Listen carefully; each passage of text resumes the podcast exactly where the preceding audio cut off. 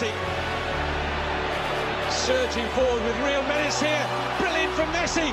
Oh,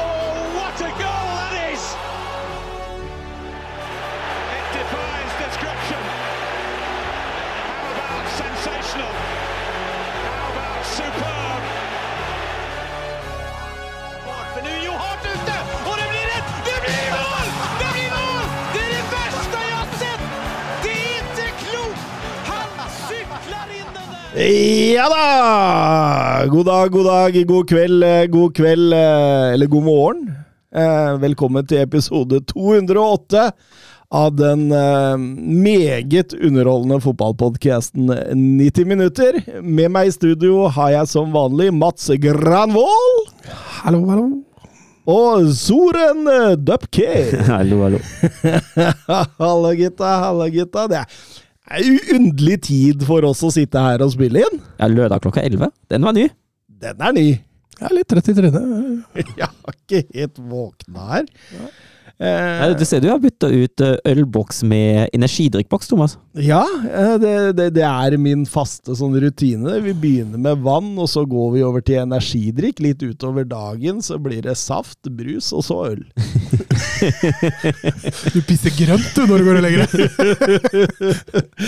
Eh, Men vi la oss til nyhetene om at eh, PSG har lagt Kylian Mbappe ut for salg, og våkner opp med at Lionel Messi ble matchvinner i sin eh, MSL-debut. Eh, Det har skjedd mye på kort tid nå.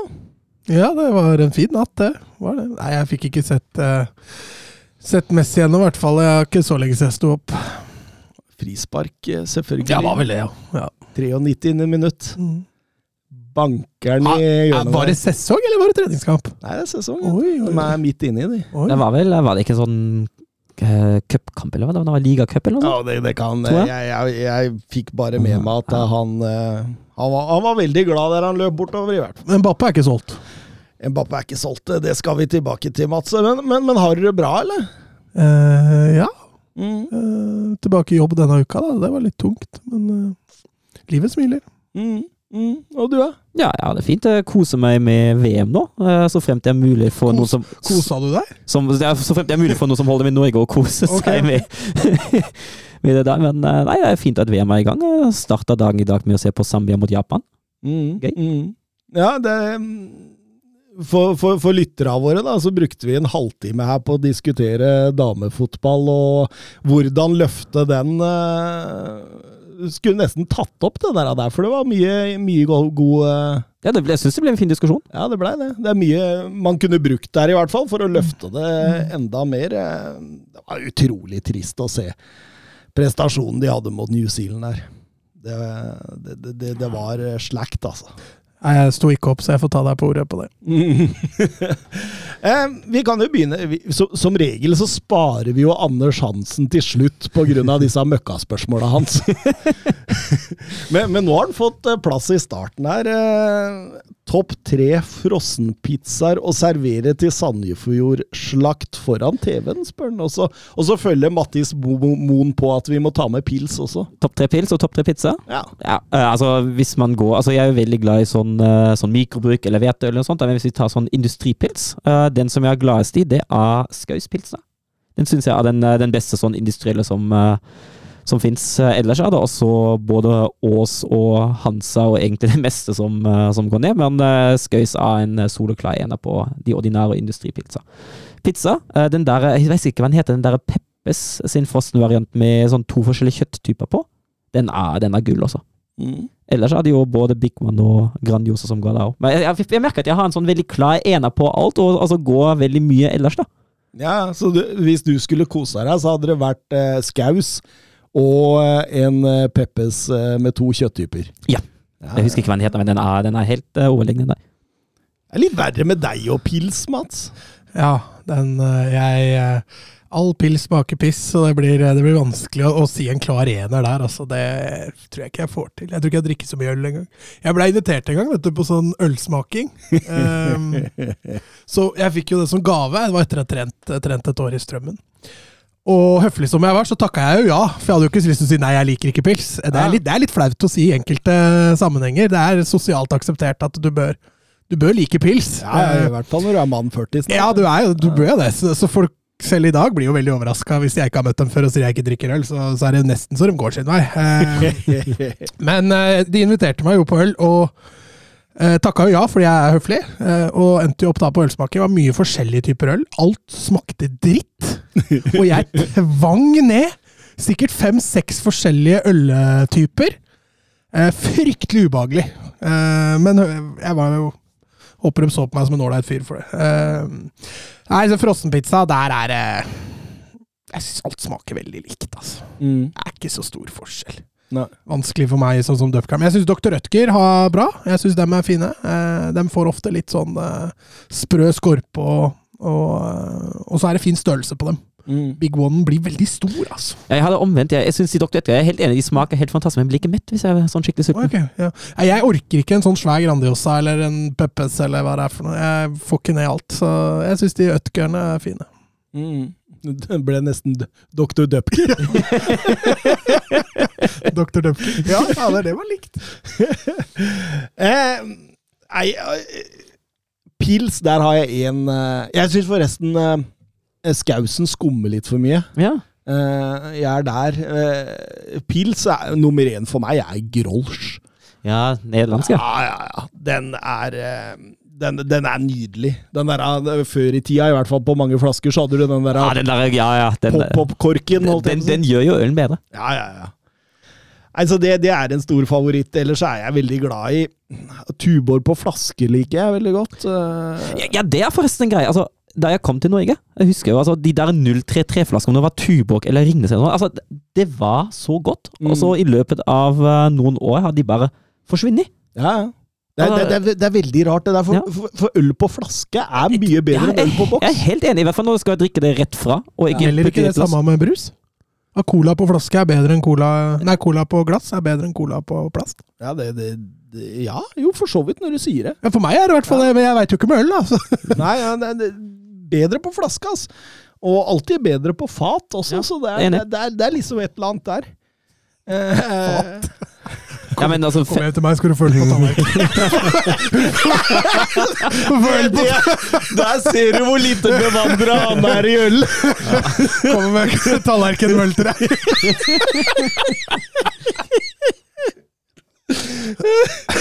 Så, så når jeg går inn på pub og spør om øl på fat, så, så, ser jeg tror du at opp- Oppi hodet mitt da, så kommer det en djup, en djup tallerken. Eh, Og så er jeg litt uh, som deg på, på frossenpizza, Mats. Jeg, jeg, jeg klarer å spise alt. Jeg synes en sånn big one spesielt, det er altfor mye. Og, og jeg, jeg pleier å tvinge det ned. Eh, Jeg pleier ikke å stoppe, fordi det er så dumt å legge bort en Ja, en, frossenpizza, en kvart frossenpizza i kjøleskapet, det er trist! Det er fryktelig trist. Det er det. Er det. Så, eh, og da blir jeg altfor mett. Eh, Jeg, syns Grandis Jeg blir kanskje ikke så like mett av den som er Big One. Eh, Doktor Dupker, den, den er ganske fin. Ja. Konkluderer med Dupkeren da, er best. Dupkeren, ja. Dupkeren er best. ja, det liker jeg. Um, Oskar Carveio Holm ja, med flere Ole Sandstrand. Det var mange her. Eh, Geir Bakke-gate. Det må tas opp og gjøre rede for. Vi sitter jo her tre, tre Fugla-fan og har blitt eh, forrådt. Blitt lurt opp i stry. Ja, blitt forbanna såra. rotte. Ja, jeg, jeg syns jo det er to nivåer på det her.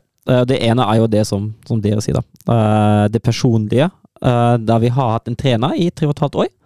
Som har fra dag én, egentlig, fra den første meldingen på LSK sin nettside at han ble ansatt, da han snakket veldig mye om tilhørighet, han følte til både by og klubb, eh, og også utover hvordan han har oppført seg rundt i klubben, hvordan han har oppført seg med supporterne. Eh, Han later som at han er en del av kulturen og fellesskapet eh, som supporterne står for. Og det, det viser seg å ha vært show pisspreik. Og det er det som gjør det ekstra sårt. Altså, hadde, hadde en Magnus Haglund, for eksempel, valgt å gå over til, uh, til erkerivalen, eh, så hadde det også blitt reaksjoner, men reaksjoner hadde kanskje ikke blitt så stor som en fyr som kommer eh, fra, fra områder som er lokal, eh, og som veit veldig veldig godt hva det innebærer å gjøre det da midt i sesong. Eh, timingen er jo fryktelig dårlig. eh, rett for overgangsvinduet og midt i en fase med veldig mange kamper midt i en sesong. Eh, men når det kommer til alt, da, altså sportslig, syns jeg egentlig det er fint. Uh, nå har jeg sittet her og kritisert, kritisert uh, tidligere hovedtrener i nesten et år nå. Og jeg syns jo utviklinga har ikke bare stoppa opp, men den har også vært uh, negativ. Vi var bedre for et år siden enn vi er nå. Eller i hvert fall da tidligere hovedtrener avtroppet. Um, Nekter du å si navnet hans, eller? Ja, hvorfor skal jeg si det? Trenger ikke si det. Hater du Geir Bakke? Nei, jeg hater ingen. Jo, jeg tror det. Men, um, Jeg tror det. men altså, rent sportslig, hvis, hvis, nå, hvis nå klubben treffer på ansettelsen sin uh, Nå ble det jo ikke Gaute Helstrup, det er synd. Jeg hadde gjerne hatt Gaute Helstrup i LSK. Uh, hvis klubben treffer på ansettelsen, og det er man jo svart nødt til å gjøre, uh, så kan det bli akkurat eh, den evnen som tilfører som tidligere hovedtrener ikke hadde ved å løfte laget til, eh, til noe som går utover en eh, fjerdeplass. Eh, og jeg syns jo nå, altså de kampene, altså Det var Sandefjord og Ålesund. det er to lag ned i sumpen. Men Der tror jeg vi hadde flaks, faktisk. det tror jeg også, men det så jo helt annerledes ut. Altså, det, så jo litt, det ser jo ut som litt mer frigjort energi og Ja. spilleglede og, og alt det der.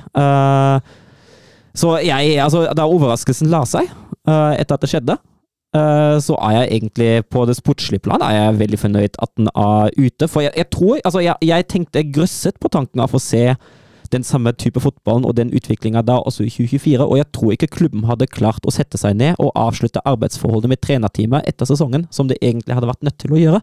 Eh, Jeg tror egentlig at vi blir, blir redda i dette, istedenfor at vi holder fast ved det her. Jeg Ja, det har jo kritisert den der kontraktsforlengelsen eh, utover 2024 også ved flere anledninger. Eh, Det var unødvendig å gi den til 2024, 2027, når han allerede hadde til 2024. Men det å bli revet løs fra den, da, og i tillegg få tre millioner kroner, er kjempefint. Det er sportslig kjempebra. Eh, nå er det bare, for, bare og bare, da, men nå er det bare for Mesfin å, å gå ut og finne en trener som passer til klubbens strategi, som passer til klubbens plan, eh, som jeg håper klubben har. Og så kan vi, bygge på, kan vi bygge videre på det vi har nå. Jeg tror liksom på sikt så betyr det ikke all verden. Det er, det er, det er, det er på kort sikt dette var dritt. Ja, for de løsningene vi har nå, ja, enig med Søren. Det har frigjort mye energi at Bakke og Myhre ble borte, og det lever Mesvin og Kippe veldig Ja. godt på. Eh, men um, over tid nå så kommer dette til å dabbe av. Mm. Uh, og eh, å finne en rett trener i Norge på dette tidspunktet, Det er kanskje verste tidspunktet i Norge å finne en ny trener. Og hvis vi skal finne en ny trener som skal ta dette videre nå, som er bra, så tror jeg vi må ut av landet. Ja, det tror jeg, jeg, tror også, jeg tror også vi må se internasjonalt. Altså, Gaute Hedstrup var den eneste jeg tenkte på uh, i Norge. Det er riktignok noen i tredjedivisjon som ser spennende ut, men det er tredjedivisjon. Uh, Ja, men André Solberg spør jo her blant annet hvem bør LSK hente, og trygde, Trygdegeir spør eh, Tr- Trygve-Geir. Trygve Geir. Eh, bør Casey Wehrmann ta over, sier han. Eh, Altså, Casey Wehrmann har jo trylla litt i strømmen i år. Uh, var litt mer forventa det han gjorde i fjor, men i år har han jo Altså, den seieren de hadde mot Kisa i går, den var ellevill, ass. Den pissa på Kisa. Eh, og spilte lekende god angrepsfotball. Og Casey Wehrmann kjenner jo klubben godt og supporterne godt, så jeg ville jo tenkt at Casey Wehrmann kunne vært et godt midlertidig løsning. mm. til man eventuelt får inn en fast type. Jeg vil ikke gå i den store Fladmark-fella, sånn som Lyn gjorde for et par år siden, men eh, at man har en tydelig plan på det. da. Eh, for Casey Wehrmann eh, har sansen for Casey, eh, men har ikke opplevd den så mye som trener, da, så det er litt ubeskrevet blad. Det er- er veldig vanskelig å finne trenere midt i sesongen, da. ja, det er det. Det er, det er fryktelig vanskelig. Ja, for Fagermo Rekdal, det. Det- det- og Tom Nordli, det, Det, det, er de altså. type trenere vi absolutt ikke må få. Nei, det er akkurat de den typen altså. De der, eh, beklager uttrykket, men de i anførselstegn oppbrukte trenerne som har vært, uh, som har vært i halve eliteserien, som er har en veldig umoderne ledelsesstil. Uh, Det er ikke trenere som vi ønsker å ha. Og det, er- er ikke å ta det neste steget. Nei, hvis vi får Fagermo eller Rekdal, uh, eller Nordli, så bli, da blir jeg kjempeskuffa. Ja, kjempe. Ja. Jeg hørte vel han uh, Svesengen i RB sa at det var ikke Det var ikke Ja, det var Rekdal og Fagermo. Ja. Nordli satt jo i det studioet, så det hadde vært veldig rart om han avskilta Nordli i studio der, men uh, Jeg tror han har avskilta seg sjøl. Ja, det kan godt hende, det, altså. Men uh, Eh, men eh, ca. 95% av lytterne våre de er eh, sannsynligvis ikke interessert i at vi snakker Eliteserien. Eh, så dette var til de fem andre prosentene som har du tatt en survey på det? Skal vi legge ut en, Det kan vi, vi kan lage en legge ut en survey på akkurat det der? Uh, vi, vi må over til internasjonal fotball. Uh, vi må over til overgangsvindu, og det, det skjer hele tida ting og tang der. Dessuten så har vi forberedt en liten uh, ja, ny sportsdirektørrolle i Manchester United og Juventus, hvor vi går inn i laga og ser hva er det som må gjøres, hva må fikses, hva ville vi gjort? Eh, så får eh, alle supportere av de klubbene ta det for det vi mener, og ikke nødvendigvis være enige med oss, men, eh, men, men sånn er det. Men, men, først så vil jeg fram til eller det, Jeg vil begynne dette med, med Josco Guardiol og denne overgangen til Manchester City. Jørgen Knutsen spør oss Havner Guardioli Guardiol i City? Trenger City egentlig kroaten? Er det kjøp for framtida? Da? Nå var det jo sånn at det hørtes ut som at dette var 100% klart, og så går en RB Leipzig-sportsdirektør ut og sier at nei, det er det ikke. Og så har det åpenbart blitt knute på tråden der. Du henta jo Leipzig han der i PSG, da. Eh, virka, Mitt første trykk var det var erstatteren til Guardiol. Bichiabo. Mm. Ja, men det, vel har jo sagt om saken at det- vi, vi er ikke i nærheten av å være enige. Mm.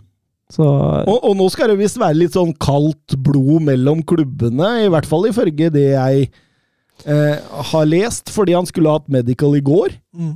Eh, Men- nei, det er vanskelig å si. det er vanskelig å si. Altså, jeg tror jo ikke at altså, jeg tror jo Leipzig blir, eh, blir hard å ha med å gjøre, fordi han har jo ikke noe utkjøpsklausul. Eh, og Leipzig sier jo ja takk til at han spiller en sesong til og kanskje går til 80 millioner euro neste sesong. Uh, det lever jo Leipzig veldig, veldig godt med. Uh, særlig når de har solgt så mye som de allerede har gjort. Jeg tipper jo at Leipzigs fokus nå ligger på å holde på de stjernespillene som de kan, med mindre det kommer et tilbud som de absolutt må si ja til. Mm. Og da sitter Leipzig med, med ganske gode forhandlingskort, da. Men jeg mener jo Guardiol er som støpt for Manchester Ja. City-fotballen. Det altså, det er jo en moderne spillende stopper. Uh, altså, det er nesten definisjon på en moderne og spillende stopper. Uh, som kan vandre i banen, som kan bekle flere posisjoner, som er sagt for å være en stopper teknisk, uh, teknisk ganske god. Altså, det er jo, det er en, det er jo venstresidens eh, John Stones, egentlig. kan Ja, si. kan fint bruke Ja. den som den type spiller. Eh, et kjøp for framtida, ja, men et kjøp også for rett Ja, altså. inn i nåtid. Han er jo en, han en oppgradering til Nathan Ake. Ja, ja. For all del, for all del. Han, eh, han vil gjøre dette City-laget enda bedre defensivt. Det er ingen tvil om. Og jeg- føler Manchester City også trenger den, på en måte. At de trenger den type spiller inn nå, inn i, i bakre ledd der. Um, en, en annen som, som dro, Riyad Mares, han tok turen til Saudi-Arabia. Skal danne spisstrio med Maximæ og Firmino. Er Maximæ bekrefta? Nei, men det er, det er vel rett rundt hjørnet. Newcastle vil åpenbart bli kvitt, og da, da, da blir det nok sånn. Eh, Kan dette åpne for Oscar Bob, eller tror du City kommer til å kjøpe ny høyrekant? Jeg tipper at de kjøper ny. Jeg blir veldig overraska Ja. hvis jeg ser Oscar Bob i startelveren Ja. i serieåpninga. der, men, altså, men, men, men, men Riyad Mahrez var jo ikke noe startelver. Å ja, sånn at han skal Ja. inn og, og Ja. være backupen der? Ja, det kan jo hende han skal, men eh, det, jeg tror det er et dårlig valg av Oscar Bob, i hvert fall. Eh, for jeg tror han får mindre spilletid enn det Mares fikk. Bob, altså hvis, hvis jeg hadde vært City, hadde jeg jo bare lånt ut Bob, egentlig. Mm. Og gitt en, uh, gitt en praksis i championship eller noe sånt. Uh, for jeg tipper jeg kan spille en, en fin sesong og være i startelven der. Uh, og så hadde man henta en erstatter til Mares. Men, men, men, men har Manchester City vært litt roligere foreløpig enn det vi trodde, eller? Ja. Eh, nå veit jeg ikke i forhold til sånn FFP, og de har jo noen dommer som skal deles ut her, og det, det, er, 150, er det? det er litt eh, ting som er nok litt usikkert eh, i City også, som gjør at de kanskje er litt tilbakeholdne, men, men nå må, De tvinges jo ut da, på markedet. Nå har de mista Gundogan. Bernardo Silva er jo også fortsatt veldig rykta. Mares, som du nevnte. Um, Walker er jo også sterkt rykta, og det er klart Fortsetter de å miste spillere, så må de jo erstattes. Ja, Kovacic er jo inne. Ja, som en direkte erstatter Ja, som for direkte, altså, det, og det er litt altså, det er jo og det er liksom det vi med City. Det, altså, det er jo ikke så voldsomt mange byggeplasser i laget. Det laget står seg jo, står seg jo fint som det. Altså, jeg tror hvis, hvis seriestarten hadde vært i morgen, og Guardiola kunne bruke det i laget nå, hadde han ikke vært misfornøyd. Eh, Det handler jo om uh, små forbedringer som f.eks. Guardiola inn. uh, og erstatte de spillerne som eventuelt går ut, men City er ikke i en posisjon der de nødvendigvis trenger å gjøre så mye, egentlig. Nei. Så da kan man sitte litt roligere i båten og Ja, ja. se hva som skjer i overgangsmarkedet. Jeg føler det er litt sånn den posisjonen de er i, og de er ganske komfortable i den nå. Mm. Ehm, Didrik Tofte Nilsen, um, Arsenal har jo vært stikk, stikk motsatt, og han spør hvordan skal egentlig Arsenal bruke Havertz? Jeg hadde en lang diskusjon med andre supportere om dette. Ble hevda at Arsenal, nei, Arteta umulig kan ha sett Havertz spille fotball. Jeg blir veldig overraska hvis han har henta Havertz usett. Det, det, hadde jeg blitt uh, Har spilt FM, han. Men Arteta er jo en Guardiola-disippel. Eh, og, og nå sier jeg jo ikke at de to tenker helt likt, og at eh, Pep vil Altså alt Pep gjør, gjør Arteta, men jeg synes jo kjøpene rundt Rice, Timber, men også Havertz forteller oss at Arteta beveger seg litt mot det Guardiola gjør i Manchester City, for Timber kan jo fort fungere som en John Stones-type spiller, og vil gå inn i defensiv midt i Eller frispillinga. Akanji-type rolle. Ja, ja. Eh, og, og, og, eller covre balanse der, da. Og, og Rice Ja, jeg, jeg tror han kommer til å bli en sånn slags Thomas Party-type spiller, og da, da vil han jo få Altså Havertz i Gundogan-rollen, på en måte, og Ødegaard i eh, La oss kalle det Kevin De Brøne-rollen. Og Zinchenko da, også i en sånn Ja, ja. Mm. Så, så, så, så det virker jo mer og mer som at dette laget her er satt opp til å gjøre som Pep Guardiola. Og i så fall så ser det jo veldig skummelt ut, spør du meg. Da ser det jo veldig bra ut, og da får jo Havertz inn i en type rolle, han. Ja, og det, det er akkurat det, da. Uh, han har jo nesten ikke fått lov til å spille i den rollen han liker aller, aller best i Chelsea. Uh, og vi har jo, altså Det er Leverkosen, det er en del år siden for all del, uh, men vi har jo sett hva han er kapabel til deg. Han har jo glimta litt til i Chelsea òg, men Havertz altså han er nok for å få ut sitt beste, tenker jeg at du må få en sentral i banen. Du må få han i en rolle der han kan være litt sånn bak angrepsrekka og komme seg mellom linjene, sture i mellomrommet der. Uh, får man til det, så ser jeg, ser jeg absolutt muligheten til at Havertz kan få en veldig god sesong i Arsenal. Hva, hva tenker du, Mats? Nei, jeg tenker jo litt det samme som dere. Altså, han må jo gå vekk fra uh, denne doble balansespilleren på midten, da, hvor han har hatt Sjaka som litt fritt, riktignok, men, men, men det må han jo gå litt vekk ifra, for Havertz er ikke noe Sjaka. Eh, og, eh, og Party har vi jo snakka om før, vi tror vel egentlig han forsvinner. Eh, Nå, nå sa Arteta i en pressekonferanse i, i går kveld at eh, Party kommer til å bli og være en viktig del av, av troppen. Ja, og da, da får han jo et luksusproblem på midten, i hvert fall. Men samme det. Eh, og Timber, som du nevner, er jo to av spillere du kan Defensivt så kan Timber spille høyreback, og, og offensivt så kan han trekke inn som en stopper. Og Zinchenko defensivt kan spille venstreback, offensivt kan han trekke inn sentralt, sånn som han gjorde en del i fjor. og ja, det er litt, eh, det er litt eh, Pep Guardiola. Så får Arteta sin jobb å sørge for at det ikke blir First Price Guardiola. Da. At det blir, eh, at det blir top notch, ikke, ikke tullball. Nei, absolutt. Jeg er helt eh, enig. Jeg tenkte vi skulle gå over som eh, sportsdirektører i Manchester United. At vi tok den eh, jobben umiddelbart. Lattis-type skriver her Hva ble United å prioritere nå? Og da kan vi jo si det sånn at nå skal vi melde i øst og vest, så vi kommer til å svare godt på det spørsmålet der. Um, Nikolai Fotballmann, eh, var det riktig å la DGA gå? Eh, vil Onana kunne kompensere for dårligere skuddstopperferdigheter med distribusjon og fotarbeid? Jeg er litt usikker på om han er så dårlig, dårlig Det- jeg. Det er jeg også usikker på. Eh, Jeg syns jo han har vist både i Ajax og Inter at han er en kapabel skuddstopper. Og jeg syns generelt totalpakka som Onana har å tilby, eh, passer mye bedre til eh, fotballen som Ten Hag ønsker å spille, enn den totalpakka som David Igea har. Det blir en stor svakhet å ha en keeper som ikke kan sparke ball. Mm. Uh, I en spillestil som skal være så dominerende som Ten Hag ønsker å få det til. da. Vi har vel sagt i et år nå at eh, DGA burde ut etter at uh, Ten Hag Mm. tok over. Ja, du har jo hatt en sånn fane her med at Onana var jo gratis i fjor, så at uh, den vurderinga de har gjort nå, det er jo nesten å kaste penger ut av vinduet for United. Eh, og vanskelig å se seg uenig i det, sånn utenfra i hvert fall. Eh, men jeg er helt enig. Onana altså Han har hatt noen hjerneblødninger. Altså, det er en litt sånn Ja, det er òg. det er litt sånn Edvard Mendy-feeling på det. Eh, Det er det, men eh, samtidig, Onana har en helt annen ro og spiller med en helt annen autoritet med ball i beina enn det De Gea gjør. Altså det er, du får hjertet i halsen. De Gea får ballen med 30 meter til press, allikevel så er du stressa. Så jeg, jeg forstår den overgangen eh, veldig, veldig godt. Og så får man heller diskutere hvorvidt United gjorde en god deal her eller ikke, for det, det kan absolutt diskuteres. Men da står de jo med keepera Onana, Heaton, Henderson, og så kommer eh, Sion Suzuki inn, en eh, ung Bil?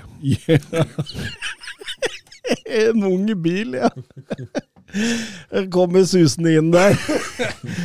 Eh, Henderson blir jo solgt i Forrest, og da Ja. står man jo greit, gjør man ikke det? Ja, jeg syns det. Fint å få litt inntekt for Henderson òg. Mm.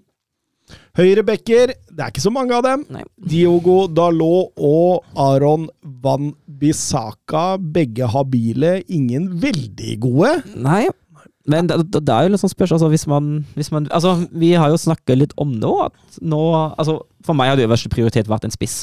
Og det er sånn det som, eh, som setter alt i skyggen, og så det jo spørs i hvilken grad United har så mye råd til å hente noe mer enn en spiss, uten salg i hvert fall. Um, men hvis man klarer å få, å få solgt Van for rundt 30, og hente Frimpong for rundt 40, så syns jeg egentlig man har gjort en meget god oppgradering. Det er faktisk akkurat der jeg er òg. Eh, benytte Dalot som en backup og, Mm. og, og kjøre Frimpong inn. Selge Fambisaka. Han har kontrakt i 2024. Hvem skal kjøpe han for 30? Westham eller noe? Ja, Crystal Palace. Kjøper de han for 30? Jeg tror ikke det. Ja, de har mye Rice-penger nå, da. Det kan godt hende at de tror du fort får 30 for den, altså. ja, Altså, de håper jo å få hva var det, 50 for Maguire. Ja, det er jo, det, skjer ikke. det er jo galskap. men, eh, men, men eh, 30 må du jo få for Van Bissaka. Jeg Men tror du Leverkosen selger Frimpong for 40? Kan få tenkes det. Han Hva har de to, solgte Diaby for nå? 50. Leverkosen har jo allerede enda en erstatter i Arthur, vet du. Mm. På høyrebekken. Altså, altså Adio han er jo salgsobjekt nå, Frimpong, for han har to år igjen av kontrakten, og Leverkosen ønsker ikke å sette seg i en posisjon da han har ett år igjen, og der man må droppe prisen noe voldsomt. Jeg tror rundt 40 for Frimpong pluss minus er realistisk, altså. Da, da burde vi jo som direktører her legge Van salg. jeg har en liten twist her, skjønner du. Fordi United er ikke veldig godt bemanna på venstrebekk heller. Nei. De har Luke Shaw, som på sitt beste absolutt er inne i dette laget her. Men å kjøpe en som både kan spille høyre og venstre, Oi. som riktignok har vært litt på vei ned, da. Mm. Men jeg tror du kan få den litt billigere enn normalt. Men det er klart, du henter den fra en sterk rival, men han har mislykkes nå i Bayern, Ja. og han er nok ikke veldig godt ønska i City. Så en Cancelo Ja. inn der Mm. Kanskje du må ut med 50, da. Hvis du er maks uheldig her i dårlige forhandlingene. Eh, men da får du god dekning på venstre, og du får god dekning på høyre. Og så er det litt sånn valget man må ta, da. I Ja, for da til kan man også bruke Luke Shaw som stopper, Ja. fordi det har jo han vært bra på. Ja, og da har vi jo også Vi kommer jo dit, da. Men Ja, men nå setter vi fireren her. Nå setter vi fireren. Men det blir litt dyrere løsning enn den Frimpong Ja, så- dere skilter, da. Men da kan du også selge la oss si Nei, Telles og Williams, i hvert fall. ja, Ja. i hvert fall én av dem. Og Ja, da, du, kan da, begynner, begge, du kan sikkert begge. da begynner vi å nærme oss en, en Cancelo her. Mm. Hvis City vil selge til United, da. Det er jo selvfølgelig Men, men ville vi gått for Frimpong eller Cancelo? Cancelo er 29. Ja, det, altså, men jeg syns jo det som Mats sier, er jo relevant. da. Ja. At han er jo, han er jo altså, altså er jo det neste med Frimpong, da. Uh, han er jo en veldig, veldig offensiv back. Uh, så han blir jo egentlig stikk motsatt av som Aaron Don Bissaka. Eh, og så Svak defensivt og god offensivt. Ja, ja Men ja, men, er han svak defensivt? Nei, nei han er, ikke nødvendigvis, men han vinner veldig mye defensivt på, på sin enorme hastighet. Han er litt sånn Alfonso Davis i den rollen der. Ja. Uh, og jeg, jeg syns jo egentlig at Frimpong kanskje er en litt mer klassisk vingbekk. men altså, hvis du skal bruke Frimpong på sitt beste, da, så må du spille en form for skeiv formasjon. Mm. Uh, Helene mot høyre. I hvert fall en, i hvert fall en fire, syns jeg. Ja. Nei, men Da selger vi Van Bissaka. Vi selger Alex Telles. Han er for så vidt eh, nærmest klar for Saudi-Arabia. Eh, Brandon Williams eh, selger vi. Ja, er ikke de, de tre til sammen Er ikke realistisk å få inn de 50 millioner man trenger for å signere Cancelo, da? Jo, det, det, det mener jeg kanskje. Ja. Ja. Men da sitter vi bare med, med tre bekker, da. Nei, du har Ja, men Ja, Dalot, Dalot, Da- sorry. ja, sorry Dalot Dalot. og Malaysia. Ja, så- det har du faktisk. Så, Dobbel dekning på bekk. og da får vi jo eh, Shaw også som et alternativ Mm. På inn på stopperplass. Og der trenger vi kanskje et alternativ Ja. også. Fordi, altså, da, da er det jo også, for Du har jo Martinez og Varan, som er høyklasse. Du har jo Lindeløf, som er en OK backup. Men etter Lindeløf så syns jeg det Mm. faller noe voldsomt i kvalitet, altså. Ja, Og man må ha fire Ja. stoppere å stole på, altså. Enig. Og, altså, og McVay er det jo egentlig bare å selge for 25, tenker jeg. Hvem Men tenker man at man skal ha inn en ung stopper, eller tenker man at man skal ha inn erfaring? For det er litt vesentlig her, for nå har du Martinez, du har Varan, dette er to ganske etablerte Mm. stoppere som kommer til å spille, Eh, og du har Lindeløf som første backup. Jeg tenker det er glimrende for United å få inn en litt ung en her, som kan komme inn og være eh, Ja, har, du- har du noen forslag? eller Ja, så du har, et, du har et par i Portugal, Mm. eh, men det er litt dyrere enn 25, da. Ja, de de tror jeg krever spilletid, altså. Inazio og Silva. Ja, det er litt de jeg tenkte på, da. Eh, Jeg tror også de kommer til å kreve en del. Men, Men, men hvis du har skadehistorikken til Varan, da. Ja. Du har skadehistorikken til Martinez. Eh, Jeg tror de hadde fått spille en del. Men når alle er friske, så blir de jo satt på benken, antageligvis. Hva med Bella Katchap, da? Ja, Den er fin. Ja, jeg tenkte også på Josip Sutalo på, på eh, Dinamo Zagreb. Mm. Eh, 23 år, veldig fysisk sterk. eh, Ikke forferdelig dårlig med ball heller. Og jeg føler han vil på en måte stå Komme inn og på en måte bekle en backup-rolle på en god måte, da, og kunne få en del eh, spilletid. Men eh, ja, for all del. Eh, jeg, jeg, jeg tror ikke United verken har eh, råd, sånn det er nå, eller på en måte at eh, Inazio og Silva vil gå inn der og så se Ja, Men hun har henta Ok. Johnny Evans nå, da. Ja, ja. Ha det. Var det? Ja, ja, ha det. Det er vel mer for eh, hva som skjer på trefeltet, tror jeg. Ikke så mye på hva som skjer inni, i, inni Ja, han, må jo, han er jo et alternativ der, da. Men da, da er vi igjen på kvalitetsforskjellen opp til, eh, opp til det som er etablert. Men da har man jo fire stoppere der, mener jeg, med Lindeløf og Evans i backup. Men jeg er helt enig, altså skadefrekvensen da, til Martinez og Varan gjør at en bør ha inn en Ja. som er bedre enn Lindeløf. Ja. Mm. Mm. Nei, men den er grei. Da, da har vi slengt ut noen navn og, og hva vi vil gjøre der. Eh, Midtbanen, det er jo vanskelig å vite hvordan Ten Hag vil konstallere den. Vil det bli en mer klarere 4-3-3? Vil han holde på 4-2-3-1? Eh, Sånn jeg tror, så vil han ha alternativene til å spille begge. Mm. At man er såpass fleksibel eh, på det. Og, og da må man jo ha dybde på både balansespillere og indreløpere. Mm. Eh, kan begynne med balansespilleren. Casemiro, McTominay, Fred.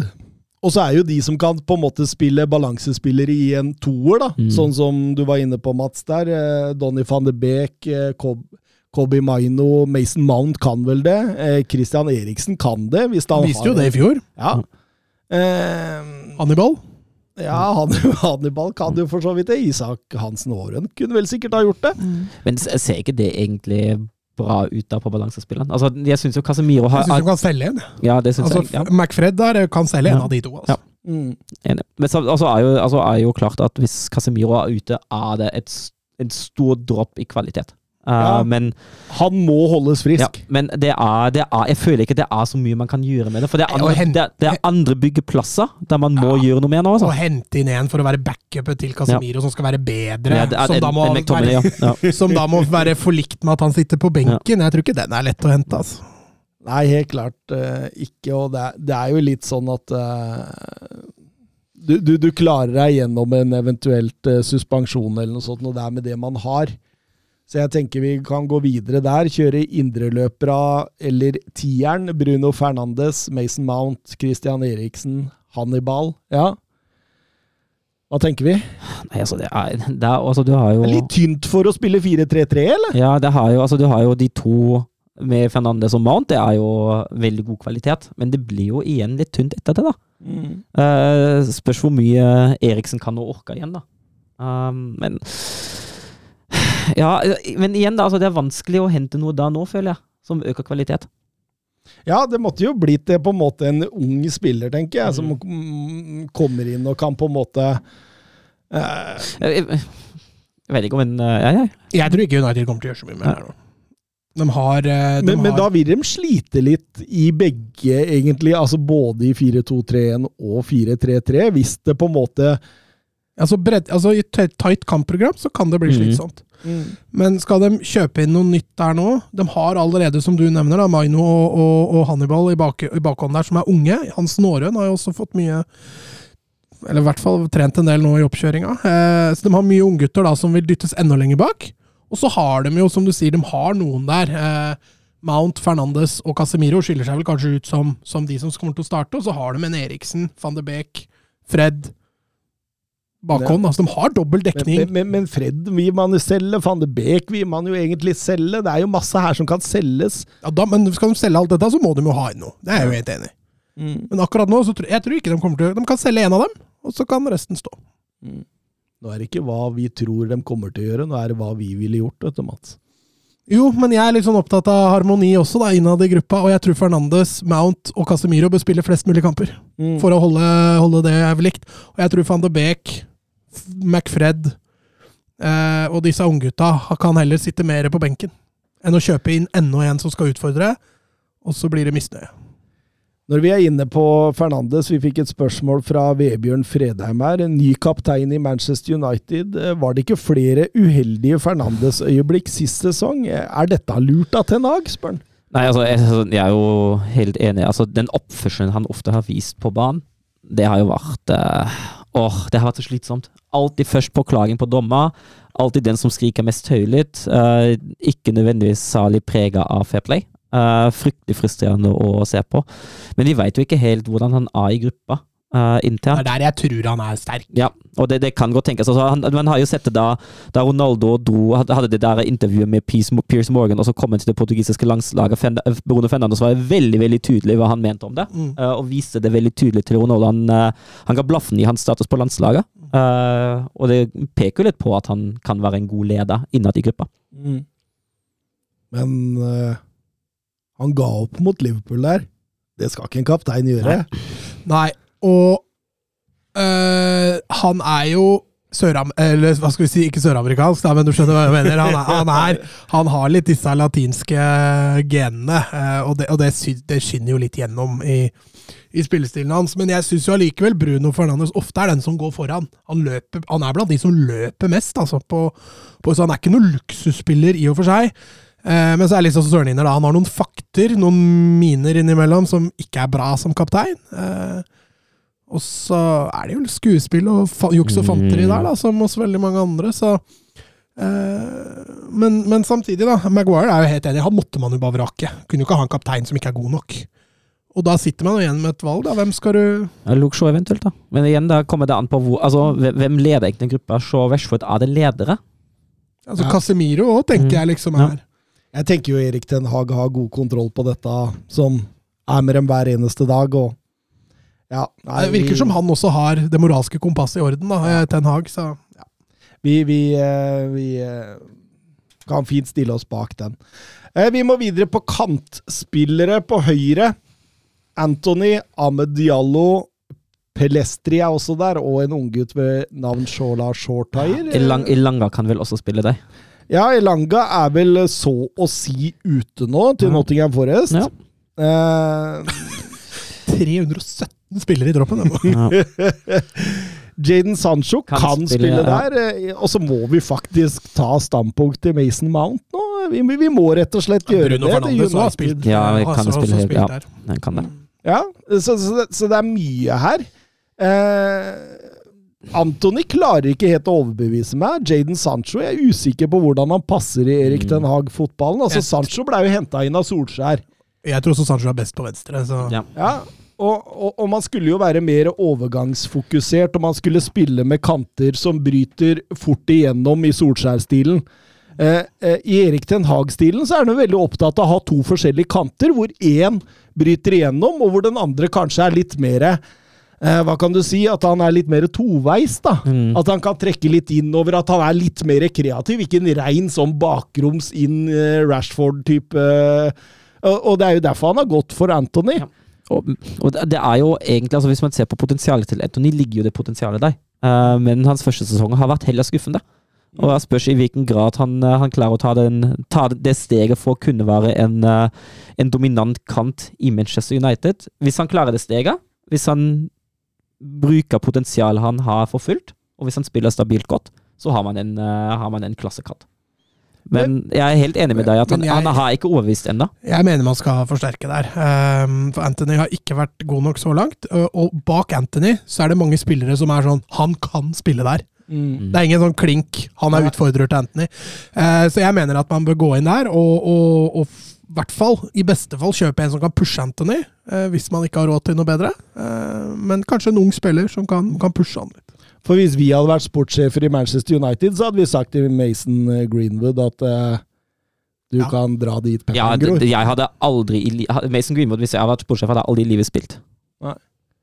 Men, men, men da må vi jo vurdere å selge Jaden Sancho, tenker jeg. Fordi eh, på venstresida der så har man Rashford, som har skrevet ny femårskontrakt, og Garnaccio, som man må gi spilletid nå for å kunne utvikle videre. Eh, så, så, så, så da må vi jo selge Ja, altså, Sancho. Og så handler det om å finansiere en spiss òg. Vi kommer jo dit. Vi må jo finansiere spissen et sted. Det virker jo som de har penga til det, da, for Høylund virker jo Har de det, ja? Ja, jeg veit ikke om de har helt penga til det ennå. Um, shore Tyro. Hørte du ikke hva Etten Haag sa? Han uh, sa det at uh, Kane Eller han sa det ikke, på, men, men alle forsto. Kane var en hovedprioritet. Vi ville ha inn han. Men når vi, ikke, vi så at det ikke var mulig, så bestemte vi for å, for, oss for å gå for Onana. Og derfor blei det sånn på en måte med DGA som det blei. Eh, og, og, og for meg da så tyder det jo på at det her har man ikke fullfinansiert en spiss ennå. Eh, og i hvert fall ikke når Atalanta krever det de gjør. Altså 70-80-90, var det ikke det de snakka om der? Så, så, så, så, så er det noe som skurrer. Men over til kantene, da. Selge eh, Sancho. Da Ja. får man jo en 50 ganske fort. Tenker det, ja. Elanga får du kanskje 15 tror jeg han Ja. går for til Nottingham Forest nå. Ja, 65. 65. Kanskje vi får en eller annen Saudi-Arabia-klubb eller noe sånt noe til å kjøpe Greenwood. ja. Bare for å finansiere noe. Han er jo Var ikke han på vei til. Italia? Ja, han Mourinho, han lusker i Skulle ikke Høylund og Greenwood bytta plass? ja, så, så, Så løste vi den, verdens mest trivielle klubb, Atalanta, skal ta, ta over den der svinet der. Da løste vi jo det i United, i hvert fall. Nei, um, jeg, og, og i og med at han Altså, Rashford kommer til å spille mange kamper. Uh, og eh, Garnaccio kommer til å komplementere kampene ut venstre der, da. Eh, det betyr at man kan gjerne ha en kant som ikke er nødvendigvis så gjennombruddssterk på andre sida, ikke sant? Mer en kreativ type. Og da tenker jeg på Michael Olysée Ja. i, i Crystal Palace. Eh, Men han tror jeg fort blir eh, 70-80, tror du ikke? Tror du det? Ja, Jeg tror han er Er han ikke verdt 40 eller noe sånt? 40, 40, trans- 40 på, ja, på transfermarkt, og så har han eh, og så har han kontrakt til 2026, da. Det koster fort litt, det der, altså. Men Da sender vi Van Bissaka tilbake hjem. Ja, men vi har jo men, Ja, de penga har vi allerede brukt De opp, for de har kjøpt, Cancelo, ja. der har vi kjøpt Cancelo, Ja. så de ah, penga har vi ikke. Vi må ha Qatar inn! Nei, men jeg eh, altså det finnes, Jeg tenker jo også at eh, Aston Villa må jo snart være gira på å selge noen spillere. Ja. For du har en Buendia som ikke har fått spille altfor mye. Kan være en ålreit backup for, eh, for uh, gode Anthony. Uh, Marcus Edwards i sporting er jo spennende, selv om han ikke er helt den typen du, du uh, foreslo der. Uh, Bowen, da? Mm. I Westham var ikke han kul. Jo, Han han er mer gjennombrudd, da. Han ble dyr igjen, da, men Mm. det samme hadde vel Boemo i, i Brentford blitt. Alternativt så er jo Patrick Wimmer i Wolfsburg som har akkurat den typen kantspiller man leter etter, egentlig. Ja, det vet, altså, han har jo nå spilt sitt andre år i Bundesliga, og det er jo fortsatt eh, det, Han er jo fortsatt uferdig på mange måter, men uh, som nå er jo Wolfsburg har ikke snart spiller igjen. Du må jo være forsiktig med å få Nei, jeg, jeg, har ikke, så- har ikke solgt så mye. Ikke enda, nei. Nei, ikke. Sitter og har gjedda i sivet der borte Nei, ikke ennå. Men Rashford og Garnaccio på venstre, Anthony og eventuelt en ny spiller på høyresida, da. Jeg ville foretatt Olysé, men hvis dere sier han blir så dyr, så, så må man jo tenke litt annerledes, ja. Mm. Um, Knut Erik på Twitter spør Hvorfor blir ikke Vlaovic linka til Manchester United? Og det, det er jo litt spesielt. Det, det syns jeg også er et godt spørsmål, fordi jeg føler med tanke på hva Erik Ten Har egentlig ser i en spiss, med litt sånn fysisk tilstedeværelse. sånn. Altså, nå er ikke Vlaovic den mest kjente vekkspilleren heller, eller best feilvendt, eller noe sånt, da, men med tanke på den fysiske tilstedeværelsen som Erik Ten Har egentlig ønsker i en spiss, tenker jo at Vlavic hadde passa betraktelig bedre enn Høylund. Ja, for det, det er jo litt sånn. Jo, men Tror du ikke at de er litt skeptiske etter den sesongen han har hatt i Juventus? da? Ja, men alle, altså, alle spisser i hele, hele verden hadde sett dårlig ut i den Juventus-sesongen der. I, jo, men spørsmålet her er jo det at når du har kosta så mye penger da, og levert såpass dårlig Altså, jeg sier Han er ikke levert dårlig, men du skjønner hva jeg mener? da. At det er ikke tall der som sier 'wow, han betaler vi 80 for'. Jeg tror Vlaovic blir billigere enn Høyre. Høyland. Nei, Det tror jeg òg. Fordi Juventus, Juventus, i motsetning til Atalanta, vil Juventus selge den. Mm. Jeg tror han blir billigere. Og da ville jeg gått for han. Ja. Jeg ville det. Definitivt. For de har bare Martial egentlig som en et skikkelig nier-alternativ. Altså, ja, det- Greenwood da, og Rashford. Greenwood, Greenwood, Greenwood har vi sendt til Arabia. han har vi sendt av gårde. ja, Rashford kan jo, men det, det blir jo på en måte som å bruke en kokk til å mekke en bil. Da. Det, du, du, Kak. Men eh, Men uh, Wout Weghorstad, er han nedi, eller? Ja, han er vel i, han er ikke tilbake i Burnley? han er under Han skal spille, skal spille Tiki Taka-fotball med Vincent Company, han. Nei, men uh, Martial Nei, men Jeg er helt enig med dere. Jeg også syns Vlavic er en mye bedre fit, men jeg tror Jeg tror det er det som skremmer dem litt. At han har gått til en storklubb og ikke fått det til. mm. Men som sagt, altså jeg føler meg at man må se litt, litt bak de tallene han har levert Også, da. Altså med tanke på hvordan Juventus har framsatt særlig offensivt. Hvor mye tror du han hadde kosta? 70? eh? Maks. Ja. Max. Ja, rundt 70. Og jeg, jeg tror fort Høylund kan bli 80-90. Altså. Mm. Ja. Det er litt vanskelig å si. Men, men, men burde man selge Martial og så kjøpe en backup til backup-nier òg, eller? Ja, altså, jeg, jeg tenker jo Rafa Mir kunne passa strålende inn der. Altså, det, det, det kunne jo blitt en slags haller. Ja, altså hvis, hvis, man, hvis man klarer å komme sånn cirka pluss minus null ut av det, da, ja, definitivt. Ja. For jeg føler at altså Martial, Martial ser jo ferdig ut i United. Rafa Nei. Mir vil jo Marcial er jo ofte mer på sjukehuset enn han Ja, er ja. på fotballbanen. Så Ja. for meg er det også egentlig klink. Ja. Men så er det sånn, hvor mye penger har vi igjen nå? Altså, Ja, det er vi, Ja, Men hvor mye koster Rafa Mir nå? Han er jo Altså, andre, Sevilla- tre, fjerde valg. Sevilla er jo, har jo en del spisser å velge mellom, også, så Ja. jeg tror nok det er en god, god match. Kanskje bare bytta Marcial, det tror jeg faktisk de hadde fått til. Jeg tror ikke Sevilla. Sevilla tar imot Marcial med Nei, det gjør de en kanskje ikke. ildtang engang etter den forrige. Det kan hende han er ute her, ja. Det er sant. Uh, nei, altså, han hadde ikke blitt dyr, han. Jeg tror de hadde fått Rafa Famir for ti, kanskje. Under, Ja, under det. Sånt, ja. Og det er jo en strålende egentlig type backup-spiller Mm. for Erik Den Haag. Mm. Fysisk presence og er jo en boksspiller og, og har jo faktisk litt andre ferdigheter enn bare å stange den inn i mål òg. Ja da, han var bra i, Levante her, skjønner du, før han gikk til Sevilla. Så han, eh, han var bra en periode i Sevilla òg. Så, så det er, han er nok kanskje litt undervurdert. Eh, men jeg, jeg er litt sånn som deg, da. Du, du kan ikke kjøpe Rafa Mir, og så skal han spille 38 kamper. Da Nei. tror jeg det blir tynn suppe. Altså. Nei, Hvis du har f.eks. Vlaovic og Rafa Mir, da, Mm. da har du dekka det ganske bra. Ja.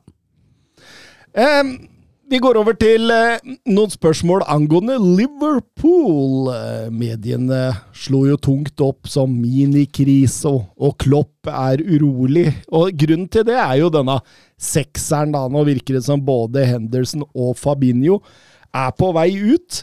Eh, Stefan Bajsetic har lenge vært skada, og, og har vel ikke egentlig holdt nivået man trenger for å være en fast sekser i Liverpool. og da da kommer jo spørsmålene, og, og Real Brady Hangeland spør burde Liverpool selge eller beholde Fabinho. Altså, eh, jeg mener jo at en Romeo Lavia inn her hadde jo vært nydelig for Liverpool. Hadde komplementert midtbanen de allerede har vært ute og, og sanka inn. Eh, Henderson Fabinho ut, det er en Lavia inn. Ja, for Rikard Isaksen han ber jo oss om topp fem-signeringer Ja, altså, for men- å erstatte dem. Men nå er det sånn spørs da, altså hvis, man, hvis, man får, hvis man får ut både Fabinho og Henderson, trenger man inn to, kanskje? Ja, Fordi- fordi, jeg, altså- veit ikke hvor, hvor god er Tiago i en sekser? Offensivt er han jo klasse. Ja, men defensivt er det jo Defensivt ja. han ikke kan spille der. Mm. det, Det sånn liksom, som Alexander Arnold, da, Mm. som, som virker å bli sånn revitalisert som en indreløper, og det kan være en fin Kan helt klart være en fin eh, løsning, det også, for dem, men eh, det blir liksom Tiago, da. Altså Får du Tiago og Arnold mot City, da tror jeg det er en midtbane som skal få kjørt seg, altså. ja, for, for, for jeg ser jo ikke helt altså Hvis begge to er ute, ser jeg jo ikke helt hvem som kan være backup da, særlig når Beisetic ikke helt holder nivået. McAllister. Han har jo spilt der, men så ofte Men Ja, han han blir mer klink enn indreløperen, føler jeg. Ja, ja. Men, men jeg er ganske sikker på at Liverpool ikke har råd til to, Nei, sånn som det er nå. Nei, jeg så dem sikla litt på Var det Kelvin Phillips òg? De hadde vært Ja. og sikla litt. Nei, Det, det hadde vært, altså Som backup hadde jo sikkert det fungert.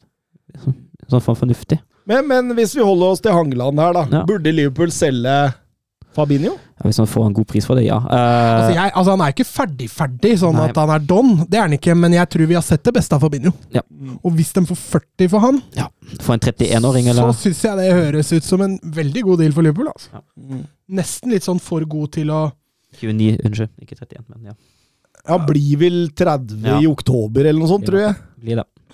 Eh, Og da er det jo litt sånn Ja. Ja, altså- altså- Eh, altså, men da må du ha inn en erstatter. Og så er det noe med, da. Vi har snakka veldig mye om den mentaliteten som ikke var til stede i Liverpool forrige sesong. Eh, og jeg føler jo at Fabinho absolutt var en av de spillerne det gjaldt for. mm. Eh, og, å få friska litt opp der, da. Det kan jo også være veldig sunt. Men eh, som Isaksen eh, spør om her, da. Topp fem-signeringer for å erstatte Fabinho. Har vi noen navn? Lavia er, eh, er Ja, altså, nevnt. du har jo, ja. Lavia er jo, altså Hvor mye, hvor mye kosta Lavia for løpet, da? Rundt 50. Ja, ikke sant? Men altså, altså er det spørsmål man har til overs. Hvis man kan få en Alvarez som en backup for 35 fra Ajax, da, Mm. så har det vært gull, Som da. også kan brukes som stopper. Ja. Jeg tror Rovella i Ventus kunne vært en Mhm. glimrende backup, for da har du en unggutt eh, som er egentlig veldig godt sydd for, eh, for Liverpool-fotballen. Selv om han er i en alder hvor han bør spille en del, så, så tror jeg nok ikke han blir dyrere enn 30. Jeg, tenk, jeg tenker også umiddelbart på Arthur Fermeren i, i Royal Antwerpen. Altså, Ung, jeg tror han er 05-modell eller noe sånt, men han har jo alt som skal til. Altså, han burde hatt uh, mellomnavnet Balanse i, i, i navnet sitt. Arthur Balanse Fermeren. For han er uh, såpass spennende og, og, og, og såpass støpt inn i en sånn uh, sekser i en 4-3-3 som eh, Han er Florentino Luisa i Benfica. Ja. Har han dette litt gjennom igjen, eller? Nei da, for så vidt ganske bra, men eh, i, mitt inntrykk er at han fungerer best i en toer. Det kan være ålreit, det òg, da. Andre navn som vi kan nevne, Subimendi kanskje, Benazer, kunne det vært noe? Benazer tror jeg blir dyr. I hvert fall Milan nå, som visstnok har orden på det økonomiske igjen. Så hva var det for første de? Ja, det var, Å ja, ja, men han blir også dyr. Jo, jo, men altså, på- her snakker jeg jo istedenfor å kjøpe Lavia, da, hvis vi skal se den topp fem-lista. Ja, da blir det jo Ja. Hvis vi dropper Lavia, så er er veldig spennende. Ja. Helt klart. Eh, ellers Palinja og Lobotka, det er jo fine, det. Altså, Lobotka er jo litt oppi åra. Ja, Palinja blir sviner, tror jeg. Ja, det blir Definitivt. 50, i hvert fall. Men ingen vil ha Calvin Phillips. Nei, altså ikke, ikke som førstevalg. Hvis man kan få en som, et, som en, som en budsjett-backup-løsning, ja, ok, da. Komme til Liverpool og vinne noen Champions League med 22 minutters spilletid og sånt. Det hadde passa han, det. Um, Sander, Sander Berge, da? Sander Berge, ja. ja, ja. Han har jo vært linka før. Aursnes? I sekserrollen. Det er tvilsomt. Patrick Berg? Mye klasse i norsk fotball. Vebjørn Hoff. Ifiani Matthew gjør det sterkt i Zürich nå, heller. Em, Tottenham, laget har dratt eh, down under på treningsleir nå. Poster mange bilder av en glad og smilende Harry Kane. Oh, da røyk den Bayern sin! Altså, Kane er fornøyd nå. Steffen Hansen eh, spør oss eh, hvis Kane går. Hvilken hylle kan Tottenham hente på? Vil de være med i Vlaovic Kolomoani-bracketen? Oh, ja. Får inn 120 millioner der. Mm, det, det, det jeg tror altså med de spillere der, at du må virkelig overbevise om prosjektet. Det er ikke bare penger det handler om, altså at man har råd til hvis man selger Kane. Definitivt, helt klart. Uh, men så handler det om hvilke alternativene har spillerne ellers, uh, og hvordan selger du inn uh, det nye prosjektet med Ange nå i, til, til en spiss som er sikkert også ønska av flere storklubber som faktisk kan skilte med Champions League akkurat nå. Oh, men, men jeg tror det å spille i Premier League nå, for veldig mange, er nesten like gjevt som å spille Champions League. Jo, jo, men Se hvis, Moise Caicedo. Han vil til Chelsea. Brighton spiller Europa. men si, altså, si, si for Chelsea at, spiller jo knapt nok Premier League. Men si for eksempel at uh, United ombestemmer seg og vil ha Vlaovic istedenfor Høylund, da. Uh, den konkurransen mellom, med, med United som Champions League-spillende klubb, som kanskje er et lite steg videre i prosjektet sitt enn det Tottenham er i sitt nå, det er jo tøff konkurranse for Spurs. Ja, ja. Er klart, Hvis det blir konkurranse fra Ja. Premier League, så blir det da. I tillegg til at Colomani, altså hvis, han, hvis PSG absolutt vil ha må han er fransk, man vet jo ikke hvilke tilknytninger han kanskje har til PSG. Han er vel fra området også.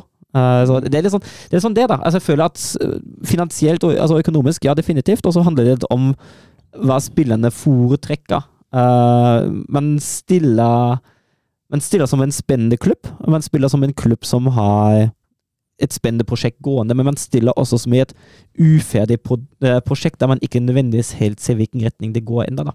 Mm. Nei, ja, det hadde jeg vært Tottenham da, hvis man selger Kane. Jeg hadde kjøpt noe ungt, og med så lite risiko som mulig. En Jonathan David, en Kolomani. Glimrende alternativer. Mm. Mm.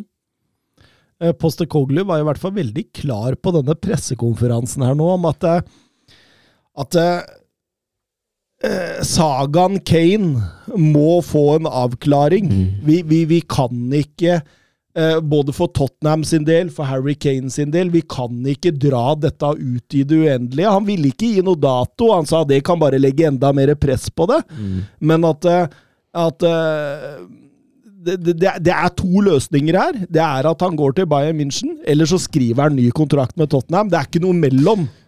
Eh, så, så det tyder jo på at vi får jo en avklaring her i løpet av Så du men, han mener da at han spiller ikke én sesong i Tottenham, og så går gratis? Ja. Er det du mener? Det, det, hadde, det var han ganske klar på, at det kommer ikke til å skje. det hadde vært worst case scenario for Spurs. Men er ikke det bare Harry Kane som bestemmer det? Ja, Ja. Men da, nei, Daniel Levi bestemmer jo det, han. Og han kan ta 80 fra Bayern München og si det er greit. Ja. Mm. Men uh, Ok. Men da er det Kane da som må bestemme seg, rett og slett. Det er jo det. Ja. Og, og, og eh, rapportene nå tyder jo på at han veit ikke helt. At han, han vurderer fortsatt. Ja. så- Kanskje det er derfor United ikke kjøper noen nier? Fordi de venter på Kane neste sommer?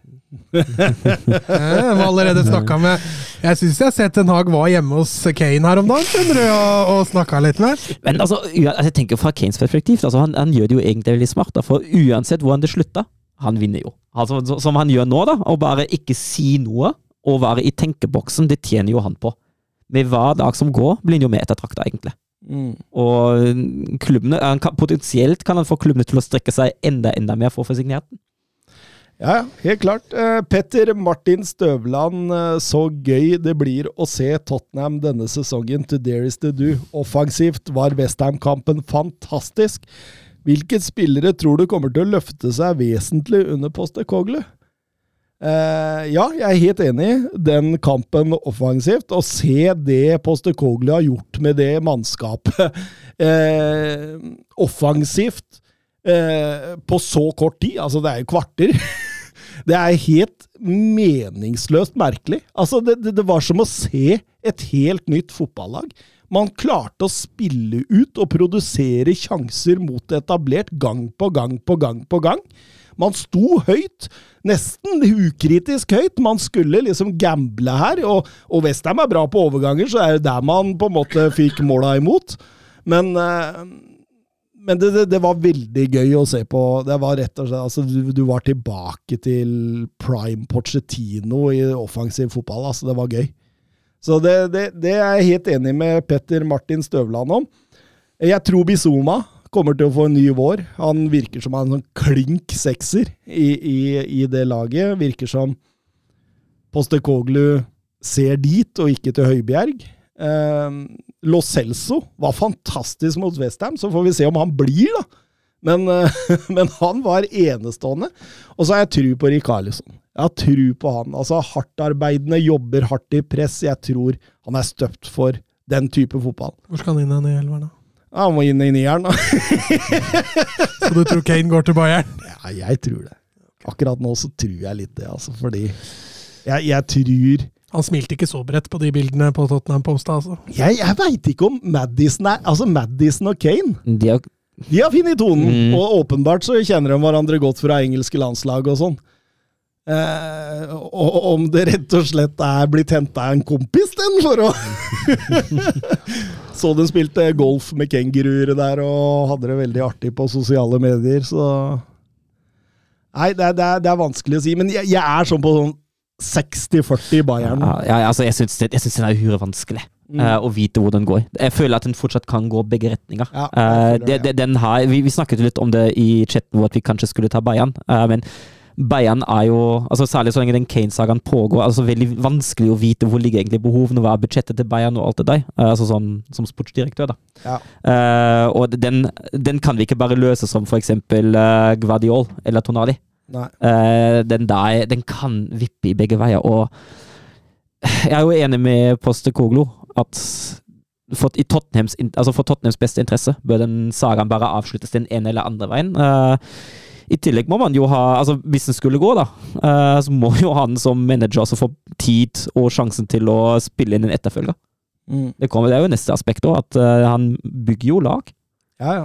Absolutt. Og det murra noe på sånne interne Tottenham-sider nå om at eh, Tottenham har vel allerede kontakta Vlaovic for å kunne gjøre forhandlingstiden kortere, Ja, og- hvis det kom til å skje. Og, og tenk, tenk det, da. Altså, tenk at man selger Kane nå, og så, har man, og så snapper man Vlaovic fordi f.eks. United har fokusert på Høylund, som de til slutt ikke får pga. prisen. da. Og så kunne de eh, svippe over til Vlaovic, som da snapper av Tottenham. Tid, Mm. tid kan være en eh, viktig aspekt her, altså for Spurs.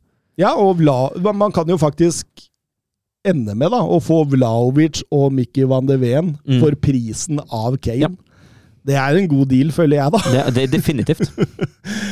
Men eh, Tor Christian Stensrud er jo inne på det her. Hvor store er sjansene for at Tottenham får i land Wolfsburg-overgangen? Eh, og bør de ikke ha to inn bak der? ja, altså Det siste jeg har hørt nå, er jo altså at uh, Van de Ven han er, jo, han er jo med og trener med lagene på treningsleir. Uh, Altså Wolfsburg sitt lag? Ja. Eh, Ikke Tottenham Nei, han er, han er på Wolfsburg siden eh, Men, og, og det er liksom det samme som med Guardiol. Det siste jeg har lest nå, at eh, man er, man er ikke så enige som noen medier hevder at man er. Uh, så jeg tipper at det forhandles fortsatt.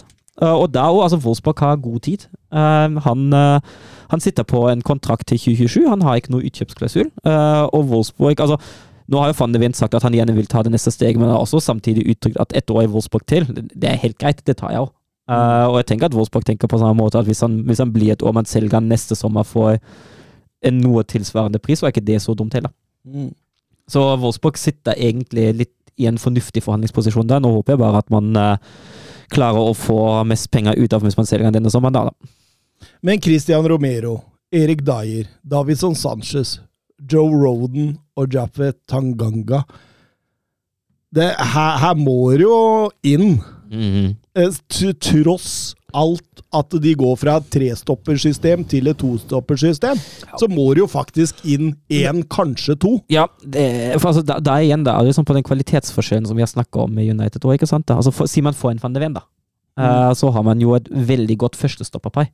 Ja. Uh, og så har man jo noen spillere som man fint kan bruke som backup, men Jeg føler at man Ja, stiller Erik Dyer, Max. Jeg ville Ja. solgt både Sanchez, Roden og, og Ja, det- det- det er jeg tenker på, men- Jeg- jeg- jeg- Når du skal spille tobacksystem og stå så høyt, da, så trenger du fart. mm, ja. Og Dyer han representerer jo knapt nok uh... Ja, han, han måtte spilt med van de Ven i så Ja. fall, da. Ja, I beste Yep. fall. Og jeg Ja. tenker jo han også Men Sanchez, det han har vist, har jo, det har gått feil vei der. Eh, så han også bør jo være don. Er på vei til Tyrkia, etter hva Ja, jeg hører. Er bedre, Hakket bedre enn eh, Saudi-Arabia, i hvert fall. Men det, det handler om dybde, ikke sant? da? Altså Man har mye bredde, men at man har ikke noe dybde. Uh, og da er jeg helt enig at det bør inn i hvert fall en til. Man bør få, et, man bør få en tostoppere nå. Tanganga har vel vist at han ikke er god nok. Ja. Ashley Phillips fra Blackburn på veien. Og det er spennende. Ja, eh, fantastisk eh, ung eh, Ja, det er han unge stopperen, det. Ja. Mm. Um, Chelsea jobber fortsatt med Moise Caicedo.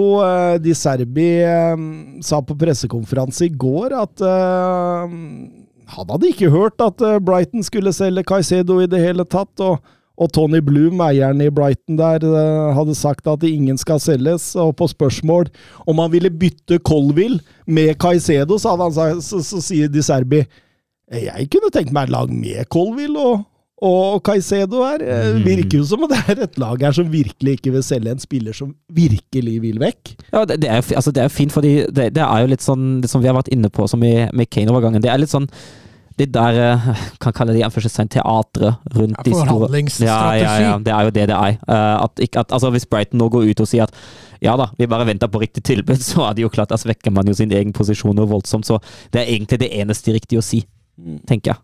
Det er som styrelederen i Lillestrøm går ut og sier ja, vi kunne tenke oss Helstrup, han er førstevalget vårt. Ja, det, Neste trener de kontakter nå, veit at jeg er andrevalg. Så snakka vi om, når vi var sportsdirektør i Chelsea, om denne stopperplassen, og røyk Fofana ut med var ute, med, ACL, var det vel? Det var ute 10-12 måneder. var det? Ja. Da, da står de faktisk igjen med Badiashil, Colville, Silva og Shaloba, og da begynner det å brenne litt. ja, Altså. da trenger man noe inn der, definitivt. Det blir spennende å se hva de altså på en måte prioriterer nå av penger. For som Jørgen Nystuen spør her, tror dere Chelsea kommer til å bruke mye mer penger i sommer? Jeg, jeg, jeg tror ikke de har lov til å bruke. Altså, Nå finner man sikkert veier rundt FFP, men det er litt som du sier, da. For faen av ut, de må ha inn en stopper. Og det må for guds skyld ikke bli Harry Maguire, hvis vi tenker kvalitet. Eh, så de må, de må ha inn noe ha inn noe. Men det kan gå, det er jo en fin sånn mellomstasjon at de henter en litt eldre stopper som kan signere på kort kontrakt. Det hadde jo vært gull for dem. En Ny Silva. Ja, ja altså ideelt en ny Silva. Helt enig. Eh, Hvor finner man en ny Silva? ja, det var det jeg skulle fram til. da. Det vokser jo ikke på trær, de Tiago Silvaene, så ja.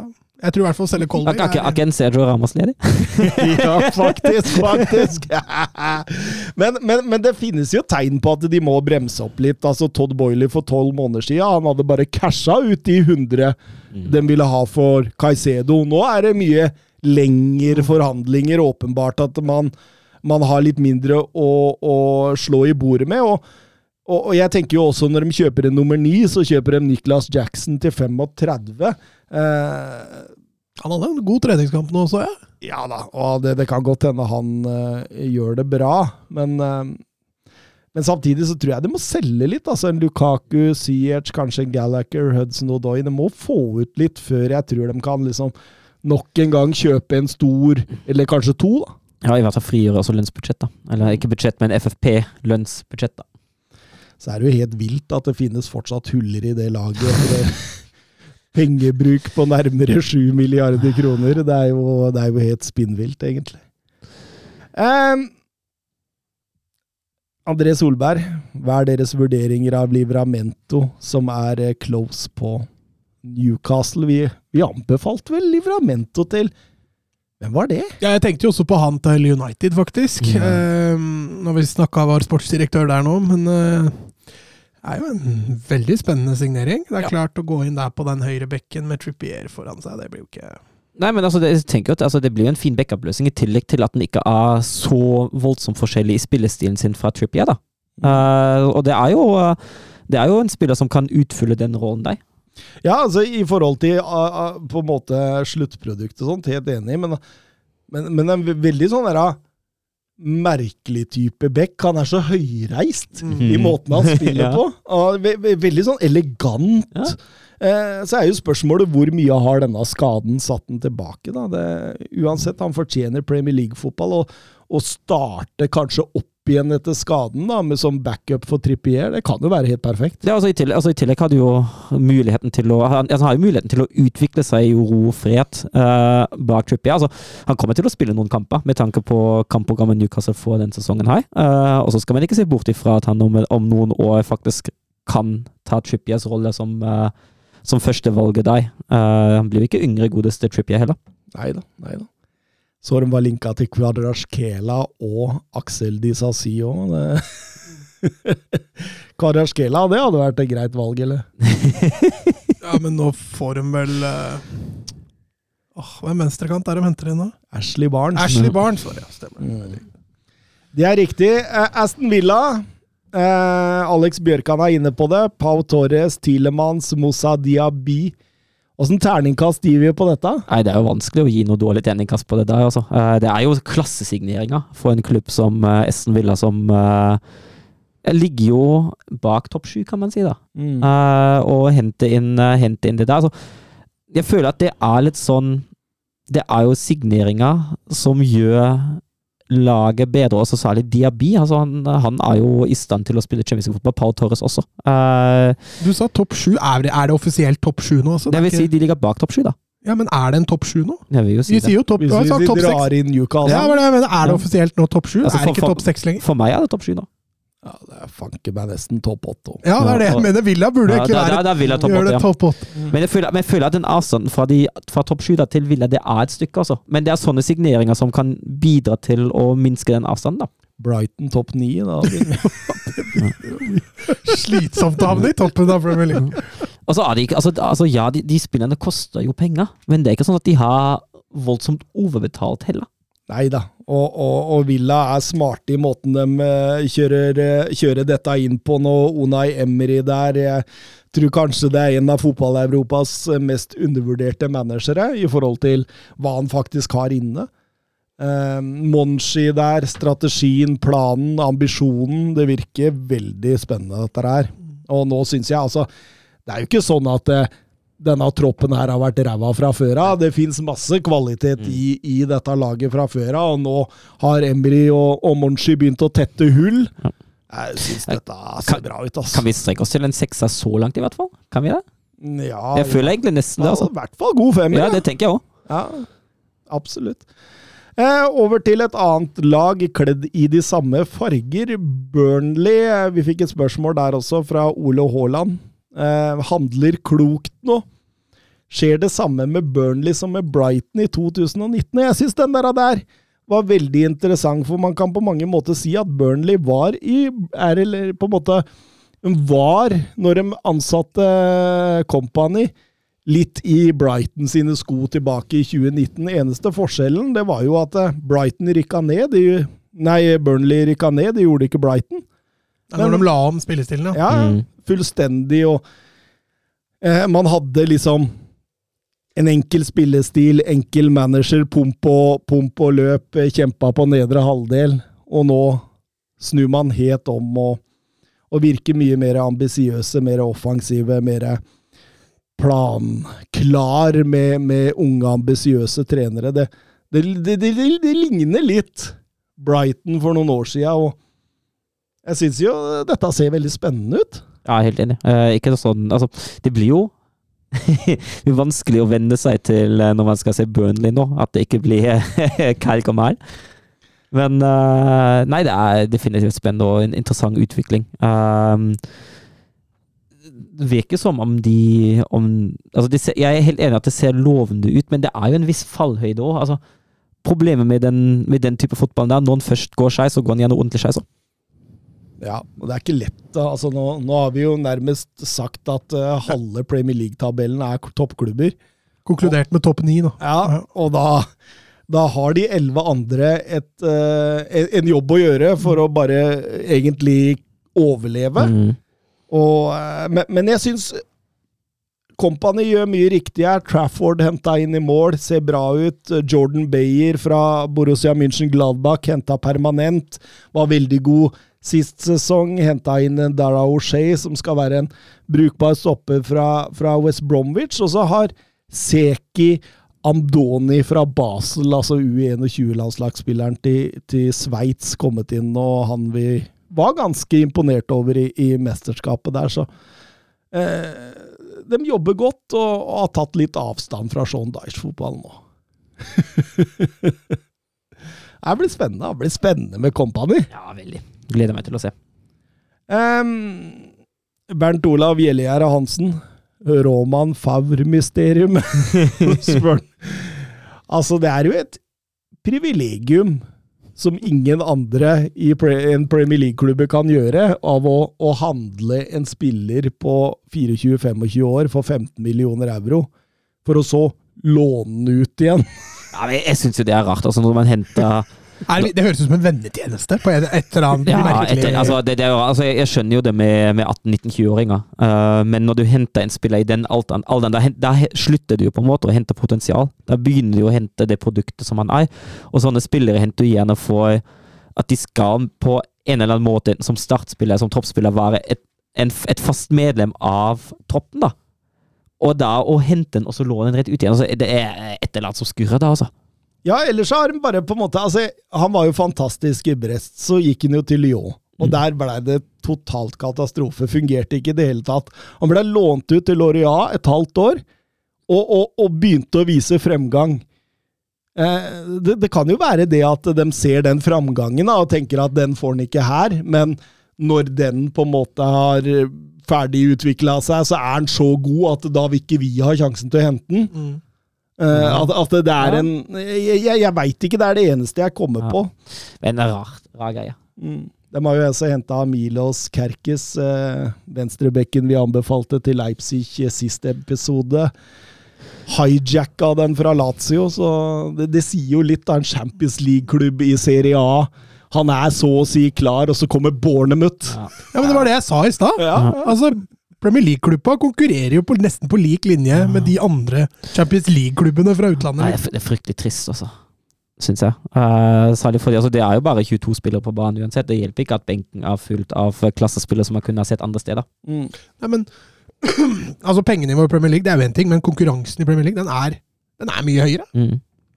Sånn at hvis Bournemouth skal overleve, ja vel, da må de hente, må hente den kvaliteten, da. August Landstad spør hvorfor henter ingen Graham Potter? Det er et godt spørsmål. Uh, han, har jo, han er jo vist Altså, han har dårlig halvdår i Chelsea, men han fikk jo heller ikke den tida han skulle ha fått. Uh, men er det noen klubber i Premier League som ikke har hatt trenere i sommer? Christer Pelles har jo henta Roy Hodgson, da! Men der var det forhandlinger, veit jeg, så jeg veit mm. ikke hvordan det gikk. Altså, Det er jo ingen som har henta Nagelsmann ennå. Nei, ikke sant. Og det kan, det kan, jo hende at det er noe med Potter òg, at han har takket nei til tilbudene han eventuelt har fått. da. Uh, mm. At Potter har et visst krav til en ny klubb. Uh, det veit man jo ikke. Uh, samtidig tenker jeg at en trener som Graham Potter Lillestrøm, da. jeg tenker en trener som Potter, ja. Han har trent i Sverige, da. Ja, han har vært Østersjøen. Ja. Men en trener som, særlig en trener som Graham Potter, da. Jeg syns jo han er tjent med å starte med oppkjøringen til et lag.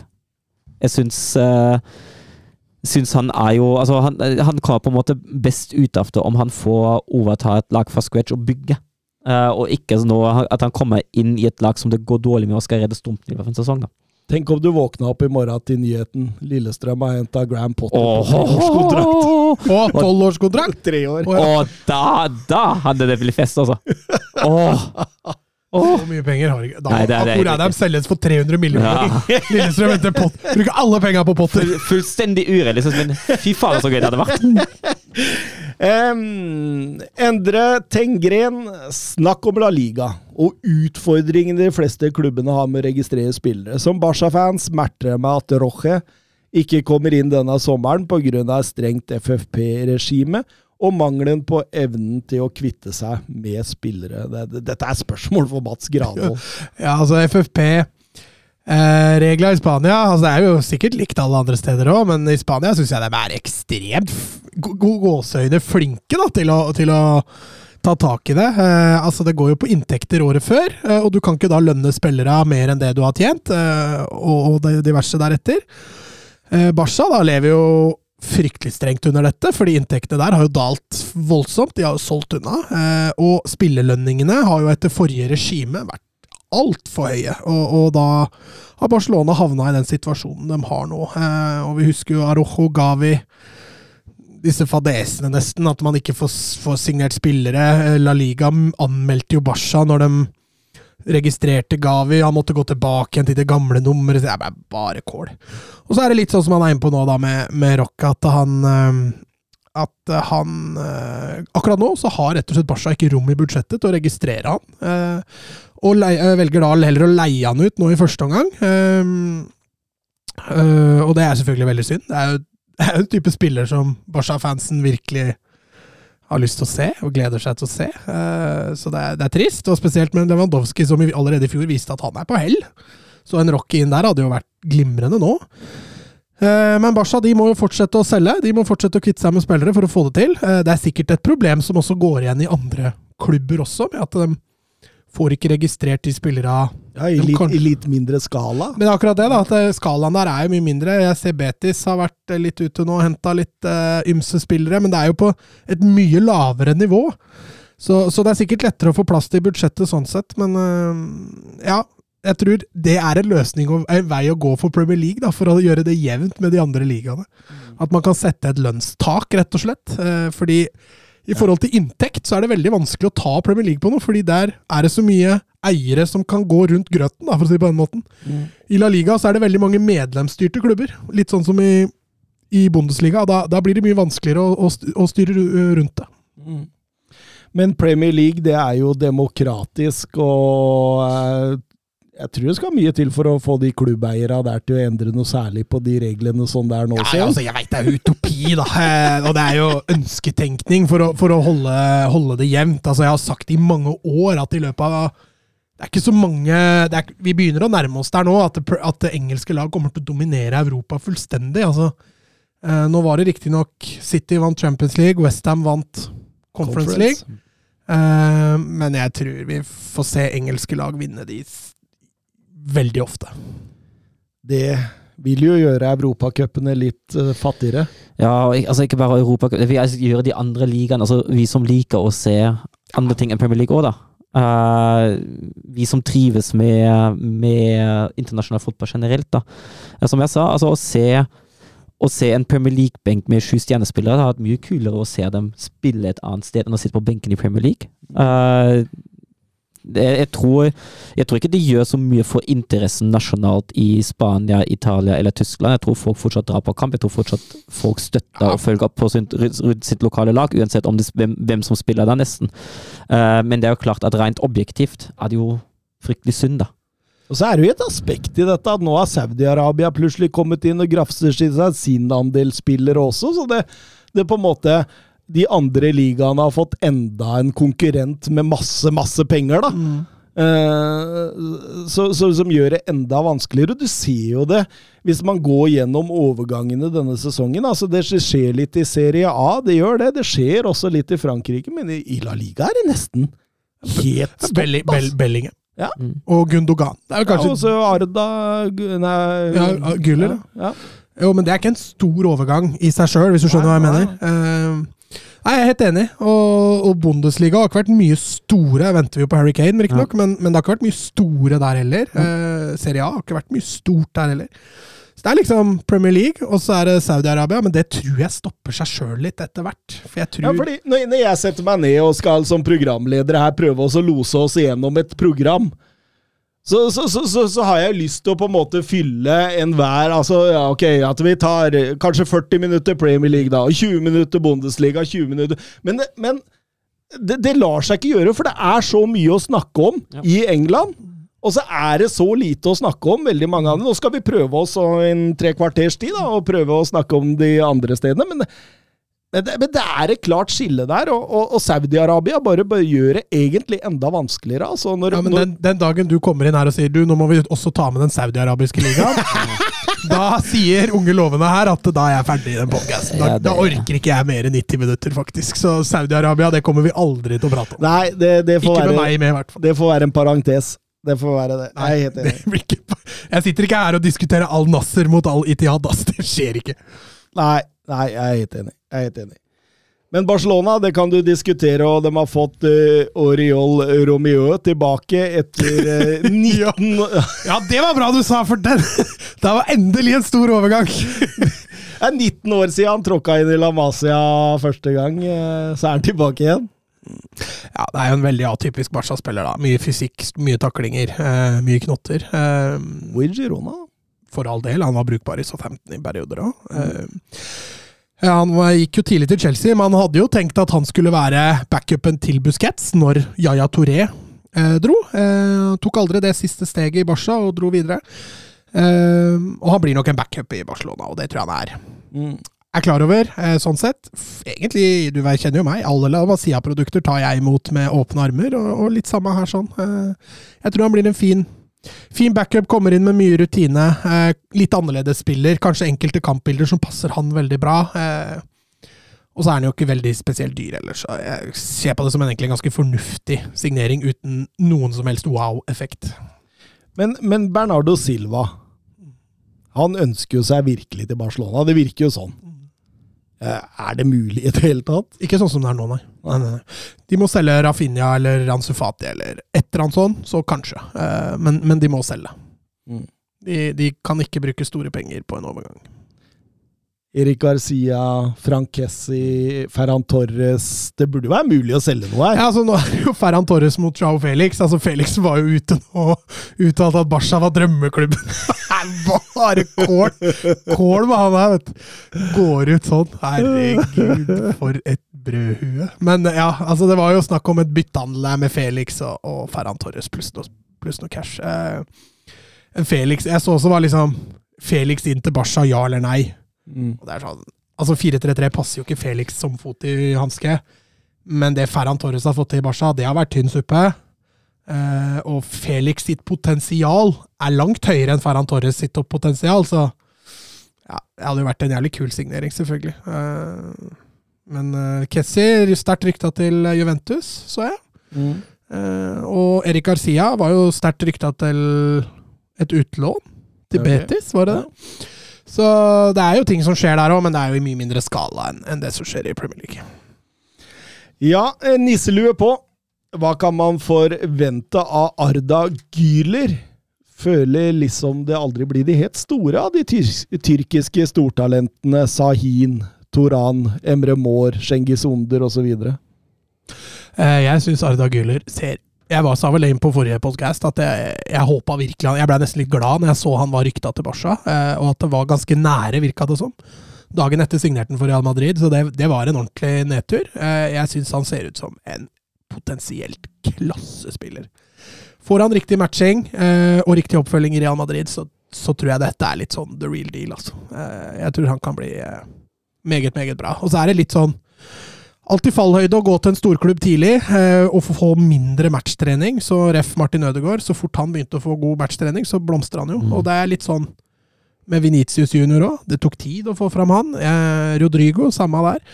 Så jeg tror man må smøre seg med litt tålmodighet, men jeg, jeg tror Real Madrid har kjøpt, eh, kjøpt gull der, altså. Må få opp fysikken.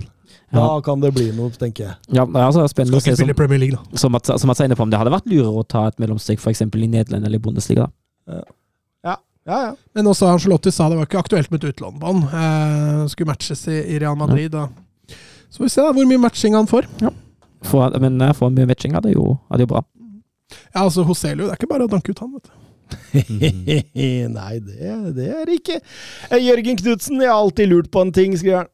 Hvorfor velge de tyske storklubbene og møte langt Ja, dårligere motstand? Det lurer jeg på. De gjør det i vinterferien nå, holdt jeg på å si. Gjør de ikke det? Nei, oh, nei. som regel bare sammen. Okay. Bayern vant 7-0, Mainz 16-0 og Frankfurt 15-1, for å nevne noen. Er det lokale forpliktelser, eller eh, Det kan jo ikke være noe sportslig jente, spør han. Nei, altså forpliktelse er det ikke, men uh, det er noe med den nærheten man ønsker å gi supporterne. da. Uh, Wolfsburg gjør det samme, møtte nå et Becks-utvalg, som var et sammensatt utvalg av forskjellige amatørspillere i regionen. Uh, dro til nabobyen Gifhorn og spilte kampen der.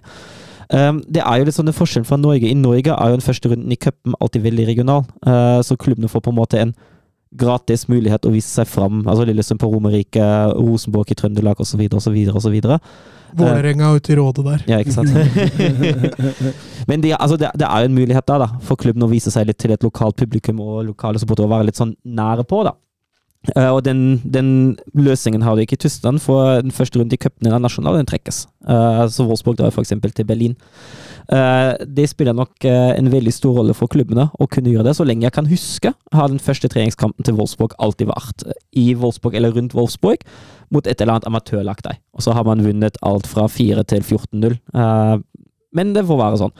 Og så er det jo gjerne den første treningskampen som er sånn. Så for spillerne og trenerne sikkert er jo dette her en, en, enkel Vi kommer i gang, vi bruker hele troppen, alle får spille litt. Uh, før oppkjøringa gjerne starter på ordentlig ved å dra på treningsleir.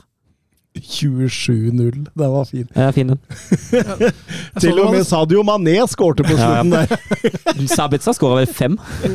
Men det jo, blir jo litt trøbbel for Bayern. Tell uh, skåra fem, ble, måtte ut uh, i pausen og skada seg litt. Uh, Chopo Moting spilte ti minutter før han, uh, før han ramla sammen med motstanderens keeper og måtte ut igjen. Så. Ramla sammen?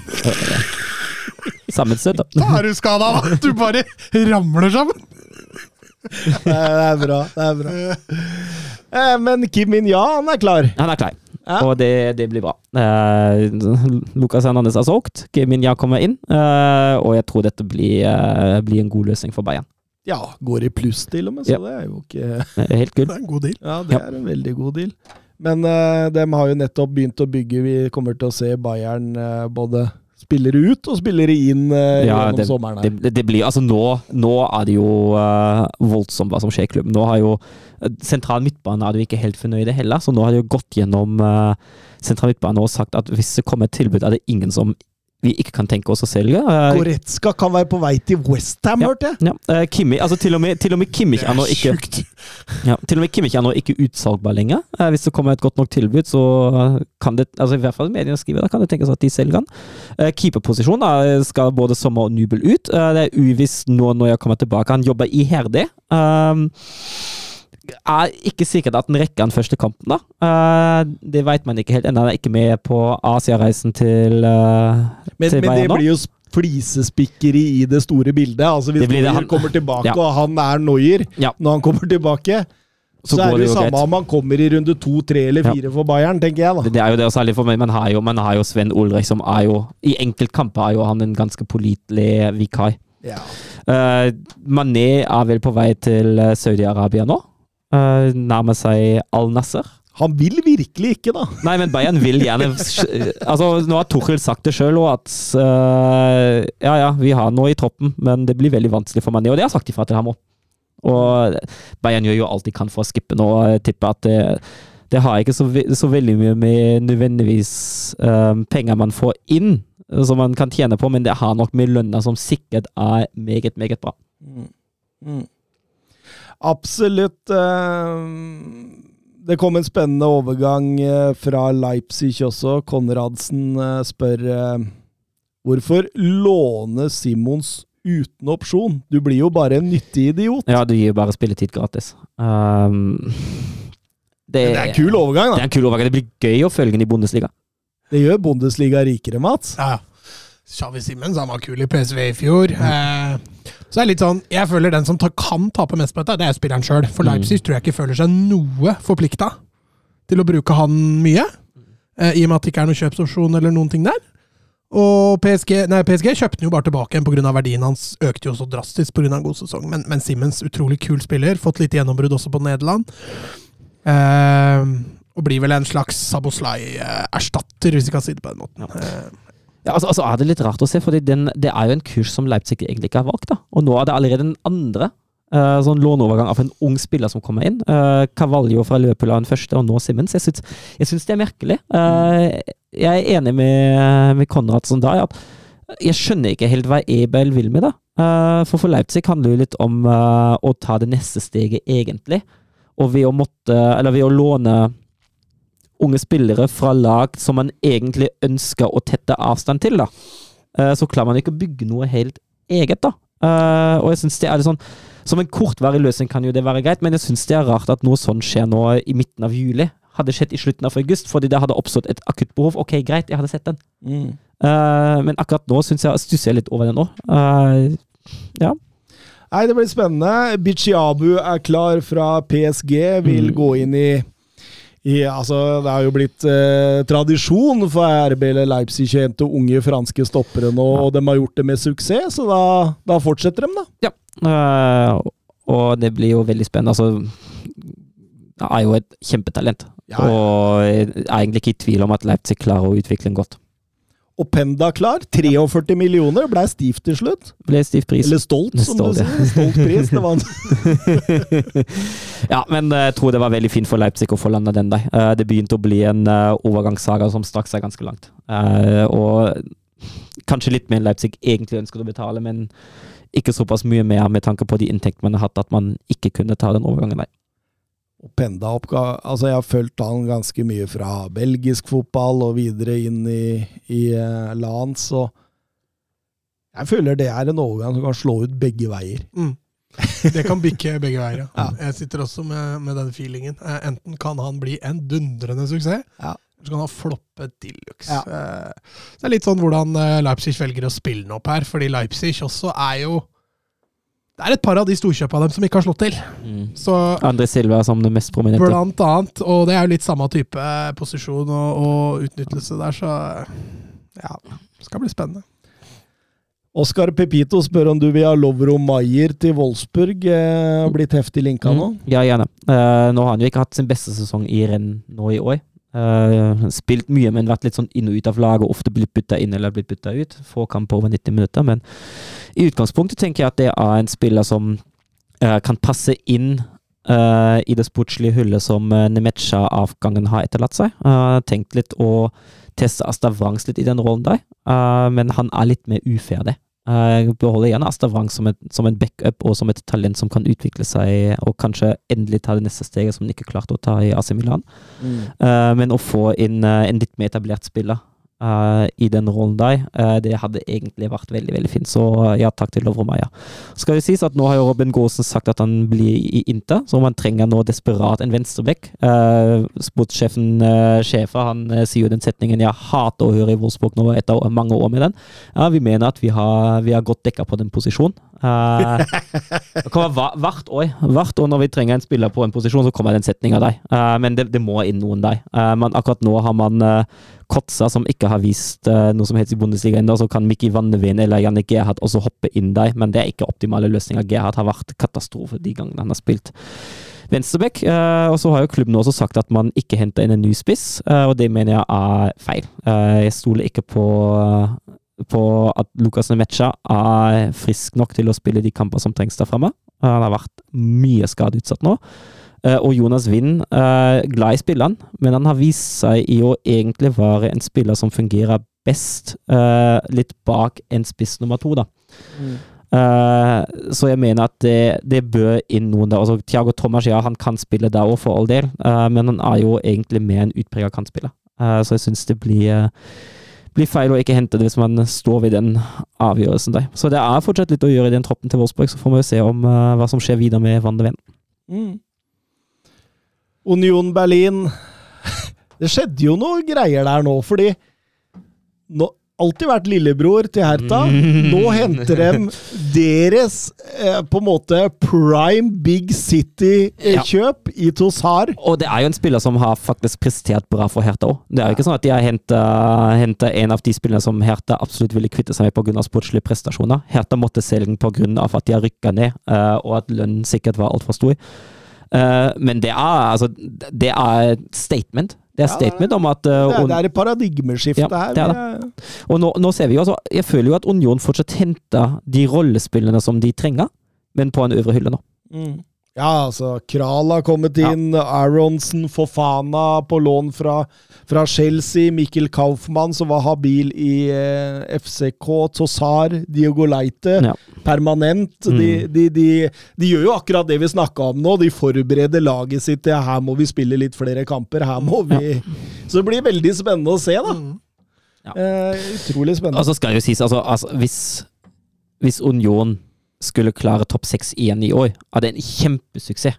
ja. Så ærlig må vi være. At uh, det er jo Altså, nå er det jo strengt tatt et lag som, som kan Hvis alt går normalt, da kan kanskje feite litt om de plasser der. Det begynner å utvikle seg til det laget der, men altså, Union har voldsomt overprestert de siste tre åra.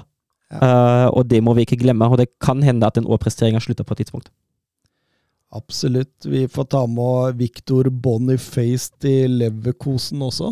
Ja, han eh, nærmer seg da. eh, 20 millioner euro. og Det er jo, det er jo en spennende overgang. Nå er jo det en direkte konsekvens av at Patrick Schick er ute såpass lenge. eh, og Leverkosen altså, Asmoen, eh, han er på vei bort. Eh, Boniface har hatt en god sesong i Gilio. Mm. Og, og, og når man, får inn, man får inn en spiller som kan spille den, den Schick-rollen og erstatte ham.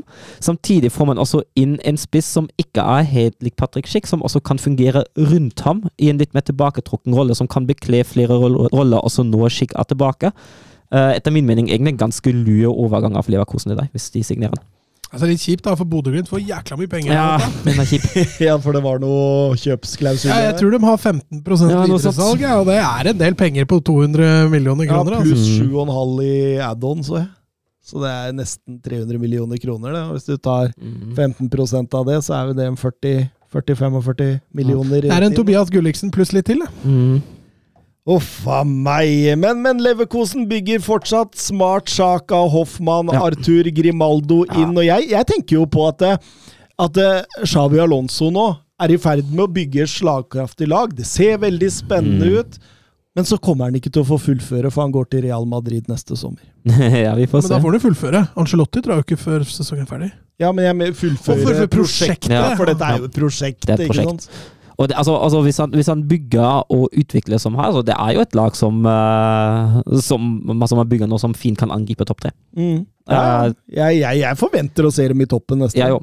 Òg. Eh, Særlig med tanke på det Alonso også har vist. Og de, de øker både, både kvalitet og dybde og bredde. og ja, Det ser veldig veldig gjennomført ut til deg. I tillegg får de, eh, får de fortsette med, eh, med Florian Wirtz. Og selv om uh, Frimpong nå selges i tillegg til Diaby, de har henta inn såpass smart og, og godt nå at de kan dekke det òg. Ja, ja, ja, absolutt. absolutt. Jørgen Knutsen, Frankfurt må trolig ut med minst 30 millioner hvis de skal sikre seg Eli Wahi fra Montepiller. Er franskmannen verdt det? Det kommer litt an på hva de selger Kolomoani for. Mm. fordi Hvis du får for eksempel 80-90 for Kolomoani, så kan man fint bruke 30-40 på Eli Wahi, tenker jeg. Ja. Og jeg, jeg tipper jo, altså, hvis, hvis man ser på den troppen nå, da, uh, og henter inn uh, Jessica Gangkam, uh, 23 år gammel spiss fra Hertha, som har hatt en positiv utvikling nå. Uh, jeg, jeg kan Jeg har litt vanskeligheter med å se for meg at hva de kommer om Kolomoani blir. Jeg føler at altså, Mm. Som jeg tolker det, de ryktene som kommer nå, uh, de viser at Frankfurt uh, klokt forbereder seg til, en event, til et eventuelt salg av Kolomoani. Mm. Og da er jo Wahi en uh, fin erstatter, det. Og så er det liksom ikke vært noen sånn åpenbare takers for Kolomoani mm. ennå. Altså fordi PSG har gått mot Vlaovic, det virker jo sånn i hvert fall. Og, og Chelsea gikk en annen vei. eh, United gikk til Høylund.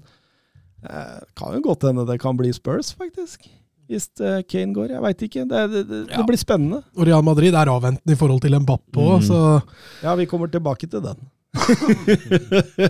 Men eh, først skal vi være sportsdirektører i Juventus. Eh, og blir de straffet, eller er de vekk fra det verste nå? Stort sett alt styr og stell forsvant med regnskapsjukset. De har henta ny sportssjef fra Napoli nå. og har uttalt også at Juventus må selge for betydelige summer. En av de som er åpne, de er åpne for å selge, er Dusan Vlaovic, men, men, men også spillere som uh, Chiesa kan ryke. Og, og Allegri ser ut til å fortsette, noe som i og for seg er trist nok i seg selv. Jeg ville jo begynt sportsdirektørrollen min med å sparke Allegri og hente tenkte akkurat det samme. Andrea, Andrea Pirlo, eller? Nei, jeg ville hatt Vincenzo Italiano fra Fiorentina inn der. Mm.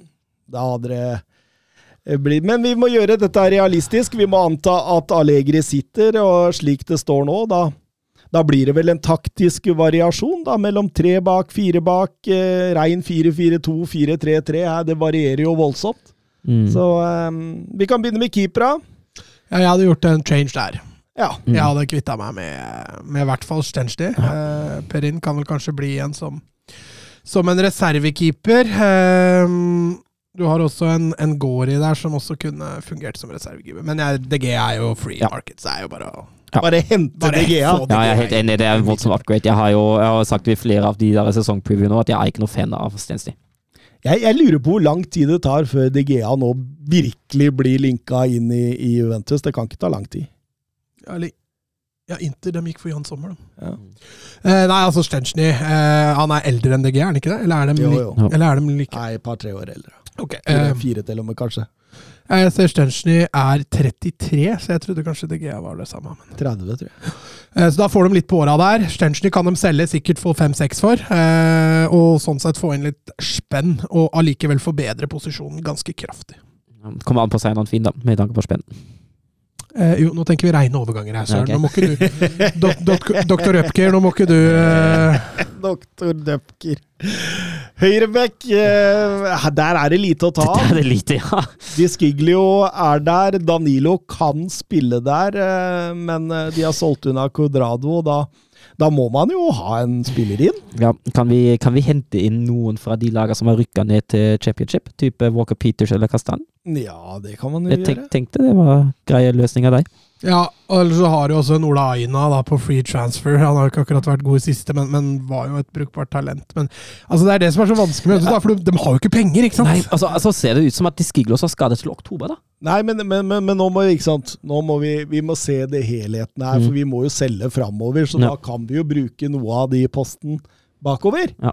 Så da tenker jeg jo f.eks. at de må være med på Ivan Fresneda. Mm. Ja. Eh, de, Men Juventus kjøper gammelt. ja, men, Fresneda passer ikke men, inn men i det er vi som er jo, men når vi ble ansatt som sportsdirektør, så fikk vi klar beskjed! De henter kun spillere over 30, og som helst har gått ut på kontrakt. Så du er i helt feil marked, du nå! The old lady have to be old. Men nå er det vi som styrer, da. Ja, nå er det vi som styrer, det er det jeg prøver å si. Og da må Fresneda inn der. Er Vi fint, banker den inn for 2025, det, det, det får hun for. Gjør du ikke det? Jo, du får den for 20, tror jeg. Det, det, det er det klink, spør du meg. Eh, Venstrebacker eh, fra Botta, Cambasio, Pellegrini og Alex Sandro. Ja, og hvis du spiller med trebackslinja, er Kostic også aktuell som wingback, da. Ja. Jeg tenker det er en av plassene bak der vi kan la stå. For de går inn på stoppeplass der med Bonucci som lagt opp nå, så eh, der må det forsterkes kraftig. Altså. Kan vi, kan vi selge Pellegrino fra Botta, da? Det kan man gjøre. Og så beholder man, eh, beholder man Sandro og Cambiaso. Ja, det kan vi gjøre. Det kan vi gjøre. Fikk inn litt spenn der, da. Ikke, ikke mye, men litt. Har de sett litt på U21, så burde de jo kanskje kontakte Klubb Brygge for Maxim de Køper. Ja, jo, jo, men da var jeg igjen på penger, da. Ja, men det, jeg tror ikke den er dyr, altså, for han var utlånt til var det Westerloo eller noe sånt forrige sesong, og er, er klink Altså, altså er klink backup. Jo, men jeg, jeg, ser, altså, jeg ser så mye stil at vi må bruke litt her, altså. ja, men jeg, det her, her tror jeg du snakker godt under ti, altså. Ja, Godt under det ti. er greit. Det er null, det. Godt under ti, det er null. Eh, Stoppere.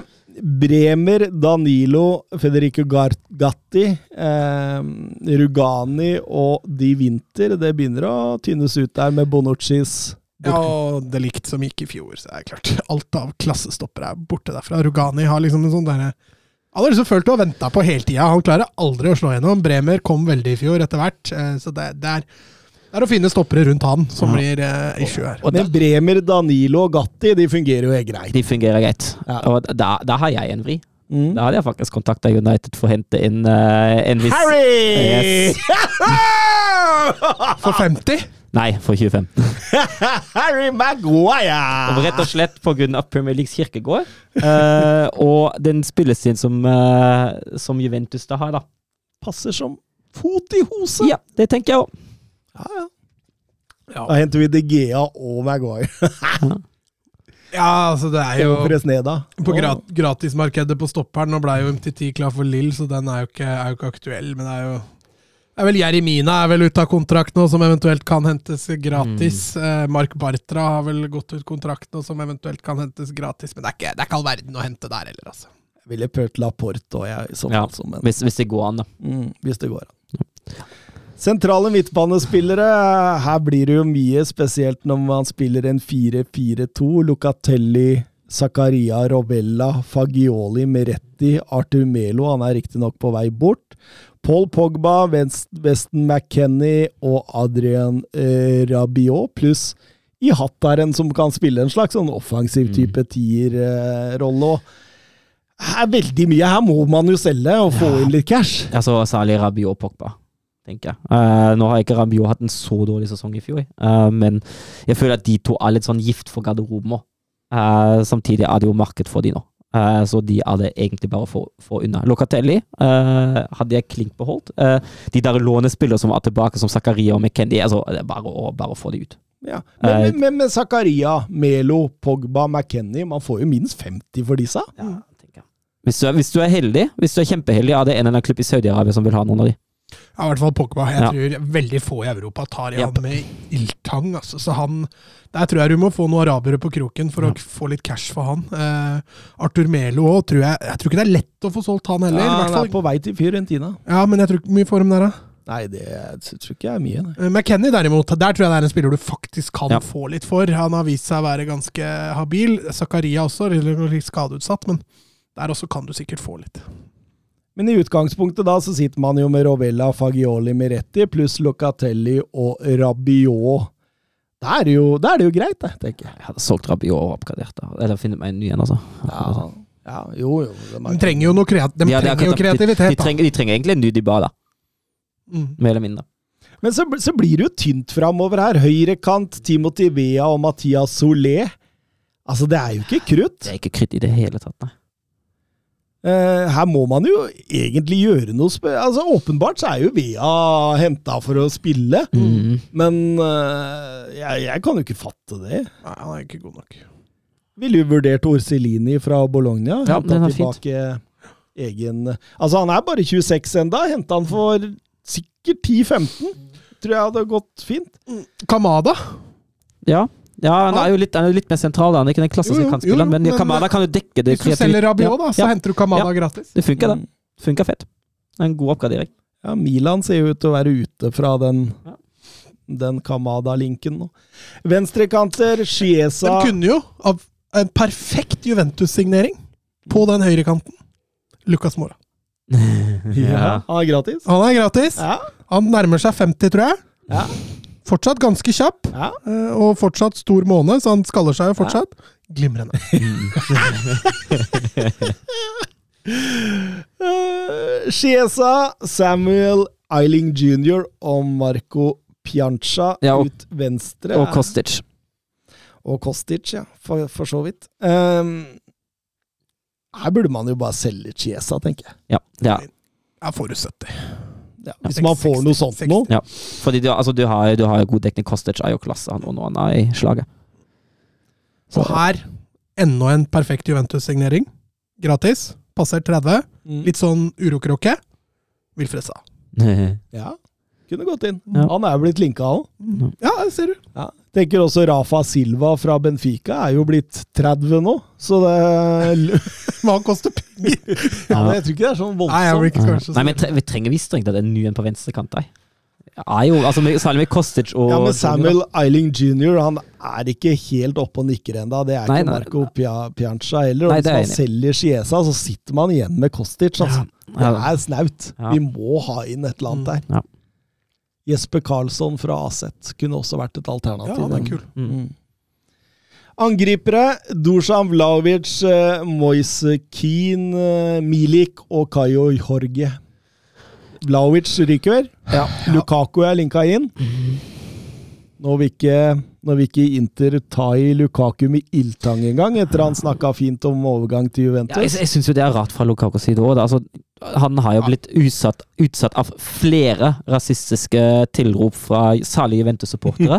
og at han da velger å gå til den klubben, det, det syns jeg er rart. Altså. altså Hadde jeg vært Lukako og hadde blitt utsatt for, for det svineriet da, jeg hadde ikke, altså, jeg hadde ikke snakka om den klubben engang. Hadde heller sittet på benken i Chelsea i tre år til enn å nærme meg den klubben der, Altså.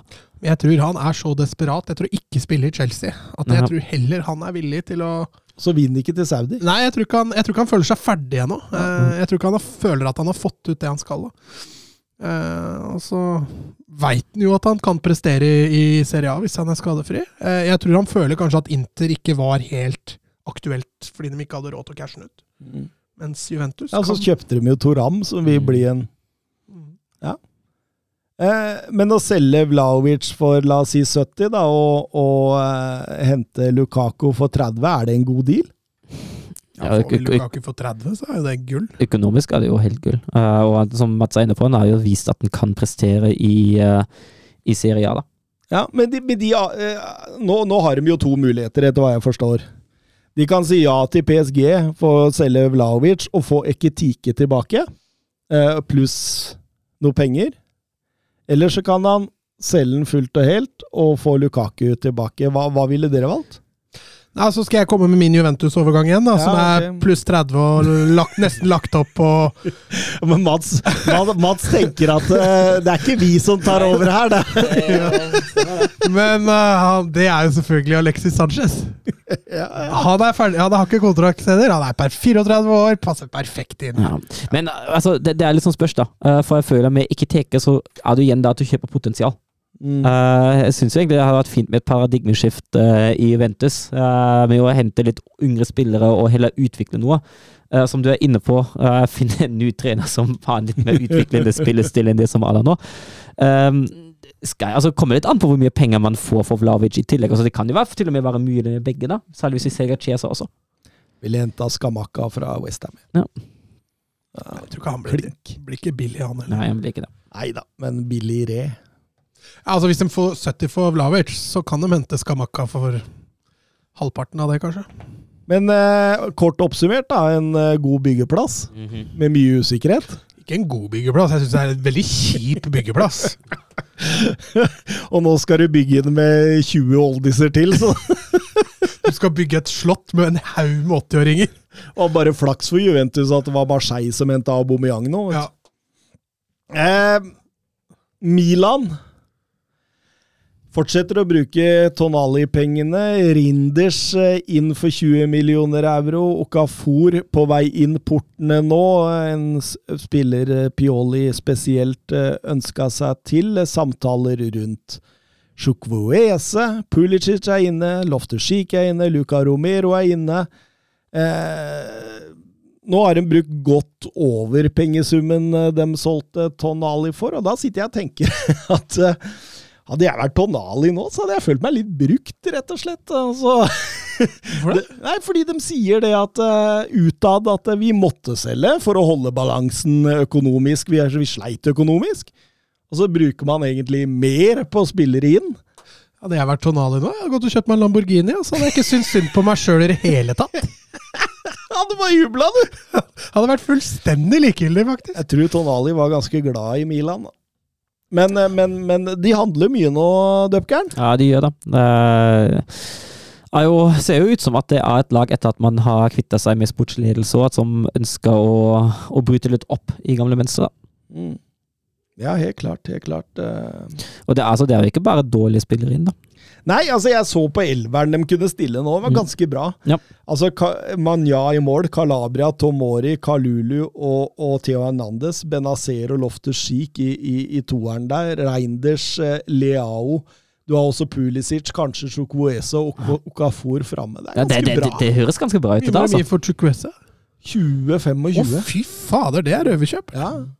Det er ikke Han er aldri skada heller, vet du. Jo, det er han, men uh, talent, altså, råtalentet der er Ja. enormt. Tror, vi, tror vi på at Pioli klarer å utvikle det til noe fornuftig, da, eller? Jeg er veldig skeptisk til, Mm. til, til Pioli nå. Kan ikke du melde drittsesong, for da blir de seriemestere? Nei, men du- jeg, jeg syns de har brukt Tonali-pengene spennende. Og jeg syns de har en bred stall, og jeg syns de, de de de begynner nesten å se ut som en klar favoritt. Ja, hvis, hvis, hvis vi ser på kvaliteten til troppen, ja. Ja, det begynner å se Og hvis Men du ser er- hva som det er- skjer i Det er Napoli Pioli, da. Det er Pioli. Jeg sitter og venter på at det der krasjer. Og så er det spennende å se hva som skjer med Napoli.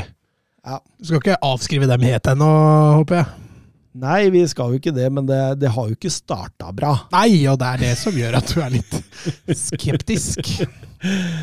Em, André Solberg snakker litt om Lazio her. Eh, Hva syns dere om Lazios siste kjøp? Eh, Valentin eh, Castellanos.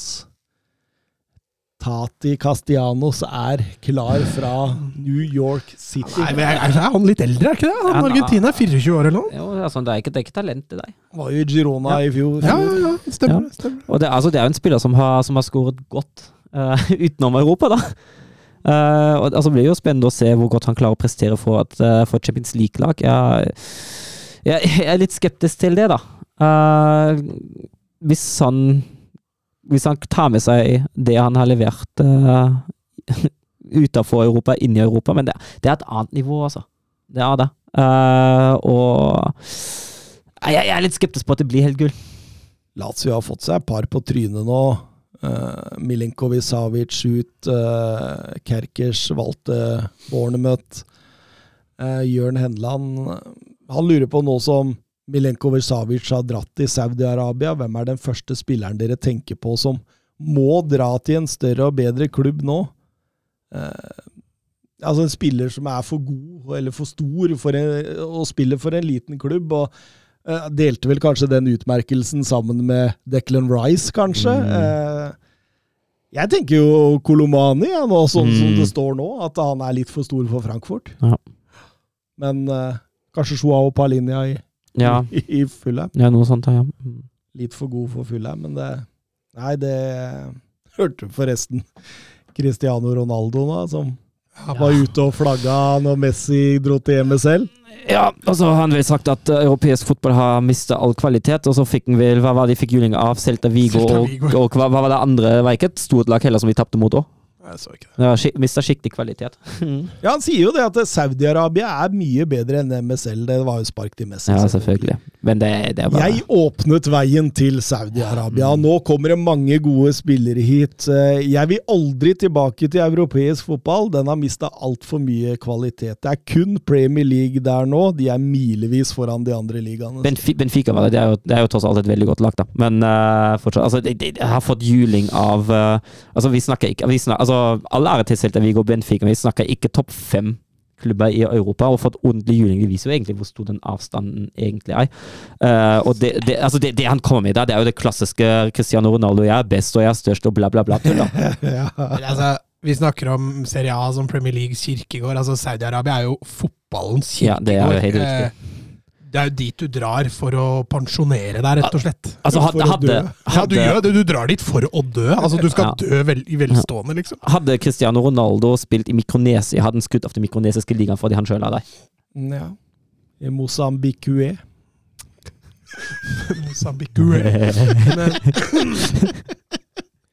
men eh, Nei, altså, det er som du sier, det er litt skuffende. Altså, MS, eh, SMS eh, dro dit. Det var nedtur. Ja. Seko Fofana dro dit. Det var nedtur. Ja. Det er liksom de spillere. Ja, Sen Maxima blir også nedtur. Ja, det blir nedtur, faktisk. Men det er liksom Men det er ikke så mange det er ikke av så dem. mange. Ja. Nei. Eh, Ikke mange nedturer Nei, der. de, de har bivalgt jo nå Esten Villa. Heldigvis. Hvis du for eksempel, la oss si Barcelona og Tottenham, da. For eksempel, bare ta de. Hvor mange av de spillere som har gått til Saudi-Arabia, hadde man ønska inn i den tropp, de troppene? Ja. Det er ikke så jævla mange, ass. Nei, det er jo... jeg hadde tatt Seko Fofana. Ja. Ja, jeg hadde og tatt og Milinkovic, Milenkovic ja. Savic, liksom. Ja, han hadde jeg også tatt. Ja. Henderson hadde jeg ikke tatt. Nei, nei, nei. Det- Med Henderson, med Henderson er jo det skuffende at han, han har stått og preiket om hvor viktig det er å stå opp uh, for homofiles rettigheter og alt det der. Uh, Han om har det vært en flott ambassadør. Ja, mm, mm, Han skal så- vel dit og ta livet av det fra innsida, tenker jeg. Det er vel det som er Mhm. planen hans. her. ja, men altså, der ser du egentlig hvor, hvor altså, bare puler rundt han nå. Og tjene penger. der, der, var det, var det, var det tregangeren at han hadde Liverpool? Han skulle få noe i Saudi-Arabia. Der ser du hvordan, hvordan de kaster alle sånn altså, hvor, hvor tomme de frasene er som de kommer Hvordan de kaster alle sine verdier over bord, eller i hvert fall noen, eh, så snart det kommer et økonomisk voldsomt bra tilbud.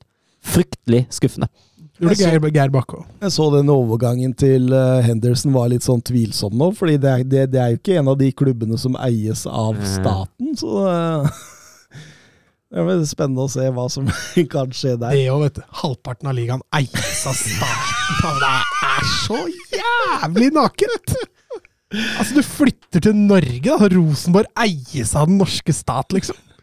Alle penga inn og ut bare går gjennom staten.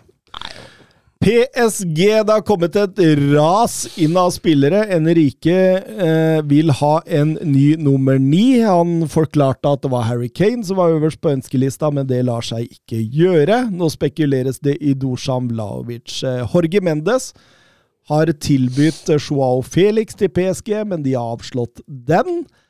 Og eh, nå melder også franske medier at PSG ønsker å selge Neymar og hente inn Bradley Barcola. Det er også usikkerhet rundt Louis Campos. og Det, det der PSG er jo det, Du kan sammenligne det litt med Bayern München her. At det her skal man på en måte begynne fra nitta, og, men, men, men Føler man har begynt på nytt i PSG tre år på rad. Ja.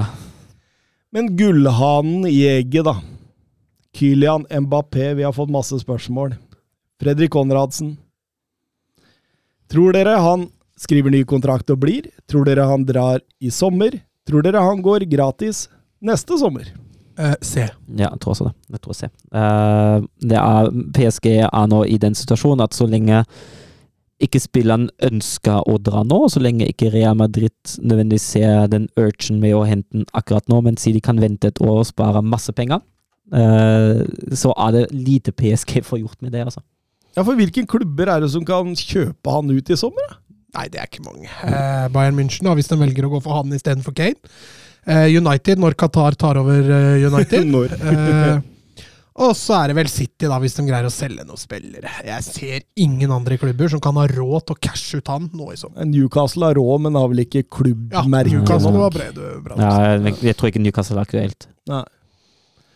Nei, helt, eh, helt spinnvilt i eh, meldingene vi fikk eh, i går kveld om at PSG har gitt opp. De har lagt den ut for salg. Nå er det mulig å hente Mbappe. De er, de er skuffa. De er, føler seg lurt av Mbappe, og de er helt sikre på at han har en avtale med Real Madrid. Ja, han er jo utelatt fra, fra toppen nå. Ja. Går, drar ikke på treningsleir med PSG. Ja, og det er klart, den er, den er litt spesiell, fordi hvis det er sånn eh, Hvis det er sånn de har tenkt å behandle det, eh, så, så kan det hende bli aktuelt for han å dra. For en, et år uten fotball for Mbappé, det er ikke Mm. sikkert han klarer å overleve. Nei, det, det, det, det virker som de går litt hardt mot hardt her nå, da. Ja, det virker sånn. Uh, samtidig setter de seg sjøl også i en dårlig forhandlingsposisjon, de. Uh, de er, men de er jo i en dårlig forhandlingsposisjon fra start. Uh, det blir nok ikke den, Hvis de selger den, blir nok ikke til den prisen som de har tenkt å selge den i utgangspunktet. For Alex Bjørkan spør jo hvordan blir sesongen til Mbappe hvis ingen byr det PSG ønsker nå? Det kan jo bli benken, da. Ja, Eller tribunen. Ja, Ja, Hvis det blir det siste der, at han skal sitte på tribunen et år Det blir veldig dyr spiller å ha på Mm. tribunen, da, men øh, Da tror jeg nok Real Madrid gjør smart i å prøve å finne en eh, betalingsløsning her for å få den med en gang. altså. jeg tror jeg. For jeg tror også det ligger en avtale der mellom Mbappe og Real Madrid, at han skal dit. Eh, Real Madrid har splatta det de I hvert fall den store spilleren de har råd til denne sesongen, har de allerede splatta. Så enten må de finne en betalingsløsning med PSG, Lån med opsjon. Mm. At man låner også med kjø- opsjon. Ja, altså at man eh, får en, en, Altså, hvis du skjønner at det kan bli løsninga, at man låner nå, men blir enig Ja. med PSG Akkurat. om at vi Ja. kjøper nå og på en måte låner tilbake, og så får du penga. Akkurat, som Monaco, akkurat som Monaco og PSG Ja. hadde det, ja. Det kan bli en sånn løsning.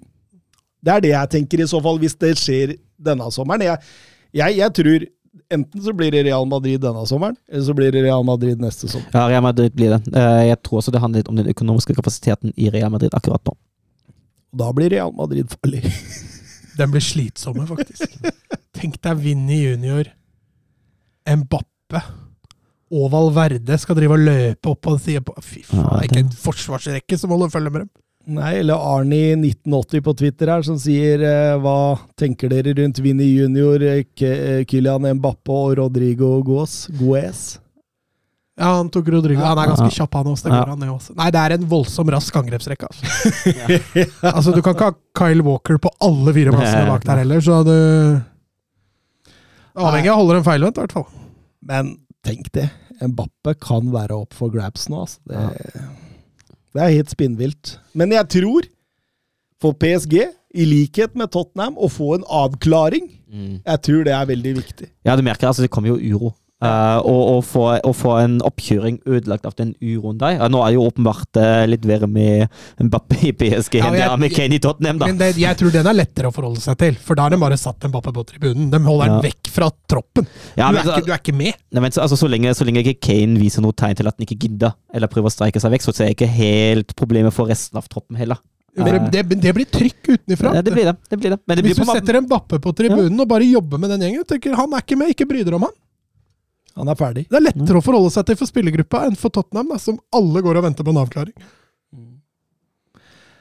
Helt eh, klart, eh, Jonathan Hobber, hva forteller dere Hva forteller det dere at Pierre-Emerick Aubameyang har blitt hentet til Barcelona, Chelsea og Marseille på ett og et halvt år?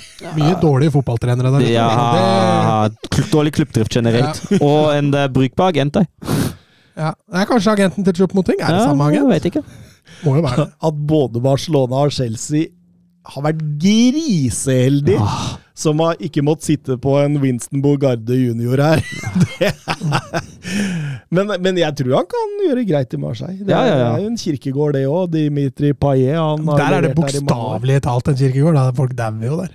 ja. Jeg tar med også at Benjamin Mendy ble klar fra fengsel til Lorea på free transfer. Måtte ikke betale noe der. Ikke noe, ikke noe opsjon. Jeg tenker at han blir frikjent, da. Ja, det, det er jo litt sånn det, da, altså ut ifra det jeg har lest, og nå er jeg ikke noe juridisk ekspert, men det er jo dessverre sånn at med sånne voldtektssaker, da, så er den oppklaringsprosenten er jo ganske lav. Uh, og det er visstnok noe med den der bevisføringen. Eh, så ja, jeg, jeg, jeg er ikke så Altså, når det er seks kvinner som uavhengig av hverandre anmelder han for det der, så er jeg ikke så overbevist om at det ja, at han er rent mel i posen, for å si det sånn, da. Det er tøft å trekke konklusjoner utenfra. Ja, altså. det er det. Er, det, det, er det, det har ikke vært en video sånn som det var Nei. med Mason Greenwood, så det er liksom Ja, Ja, Han kom seg unna, han òg. ah, han gjorde det. Ja, han har jo nå Venter vel barn med hun dama, så ja, du veit jo ikke hva som har hendt der. Eh, Nikolai, fotballmann, hva tenker dere om Jeremy Doku? Hvorfor spiller han fortsatt i Stade Renn? Han har jo tidligvis vært meget god for Belgia og er bare 21 år. Ja, men det, han har dessverre vært veldig skadeplaga. Uh, herlig fotballspiller. Eh, nydelig talent. Eh, men jeg tror det er de skadene som har sørga for at han ikke har gått til en større klubb ennå. Nå begynner han å bli kvitt de skadene, ser du, og da begynner linkene å komme. Mm. Nå har det vært linker både til Liverpool og Aston Villa og ja. Mm. Tenk om Villa får inn han nå. Ja, men det begynner å få for mye spillere i Villa, vet du. Det er det som er problemet. Må selge noe der òg. Livakovic gikk til Fenebakke, forresten. Han vi eh, anbefalte vel til en eller annen klubb her, eh, var vel eh, Jo, det var vel i påvente av Slonina at han skulle bli klar til Mm. Chelsea i et par år. Em, Øyvind Strand ranger topp fem beste eh, signeringene hittil i overgangsvinduet. Oi. Ja, den er jo, den er jo spent. Så skal vi ta med pris, da. Vi må jo ta med pris og behov og alt, Ja. da. eh, Kim Mm. uh, McAllister. Har, har du Kim på første? Nei, jeg har, jeg har mine topp fem. Altså, Ja, ja, ja. okay. Men uh, Kim McAllister Klink. Mm. Uh, jeg syns også Torres skal inn der. Uh, og så Grimaldo. Klassesignering av uh, Leverkosen. Eh, og så står det ja, Kanskje Dikka til Roma, da? Den er fin, den òg. Jeg vil ha med Bart Verbruggen inn der. Ja, jo, jo. Den kan du ta med. Ja. Men den er en overgang du kommer ikke til å merke noe særlig før om et par år, tror jeg. Hvor du tenker at å, fy fader, det var en eh, Det var en lur overgang. Det var en smart overgang. Uh, kan hende han klinker til allerede i år, altså, for alt, alt vi veit. Men eh, Davide fra Tesia. Den, den er jeg spent på. Inter, ja. Ja. Spennende den òg. En totalpakke på rundt 40 der, men det var vel lån med opsjon, så jeg, nei, det blir spennende å se. Vi kjører vel en sånn kåring uh... vi gjør vel det når han er over, Ja. så vi får, vi får ta det meste da. Tønna med dagens siste spørsmål. Hvem blir de største overraskelsene og skuffelsene neste sesong i lagene i topp fem-ligaene? Blir jo Royal Antwerpen denne de skuffa litt allerede i år, faktisk. Nei da. Ehm, jeg har lyst til å si Tottenham, jeg. Altså for overraskelser. For det, altså, det er så lave forventninger overall, og offensivt. Det de viste eh, nå, at at Postecoglou har han, han har skapt en liten flamme i meg nå, på det lille jeg har sett. og nå så vet man jo at det defensive det er ofte det enkleste eh, å sette. Eh, det offensive, på en måte etablerte, er det vanskeligste å sette.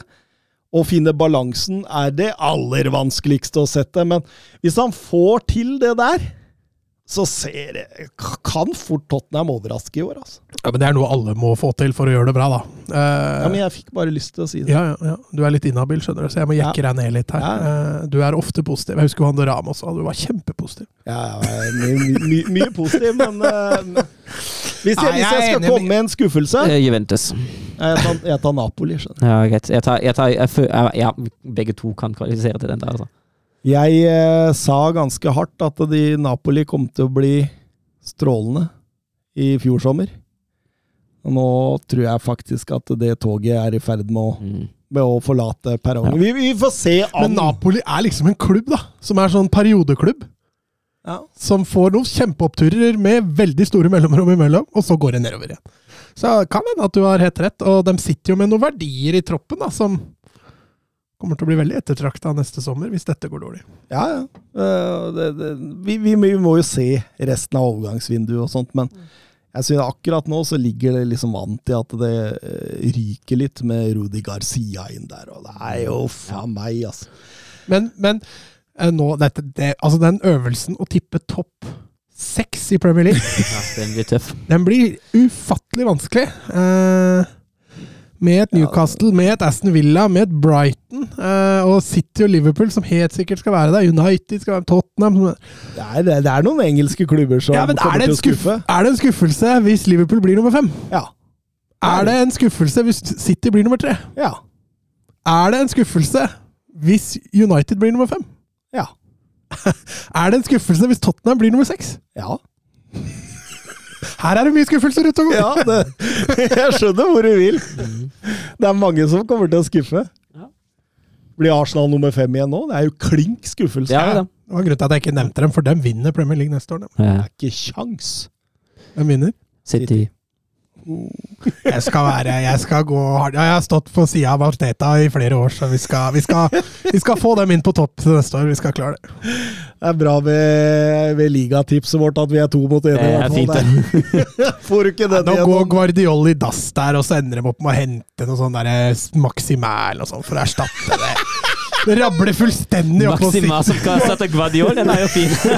det rabler fullstendig opp på kontoret til han der Berigestein der, og så, og så går det gærne veien. Men øh, før vi avslutter, Bundesliga eh, rask Øh, sånn det ser ut nå. Positiv overraskelse, negativ overraskelse.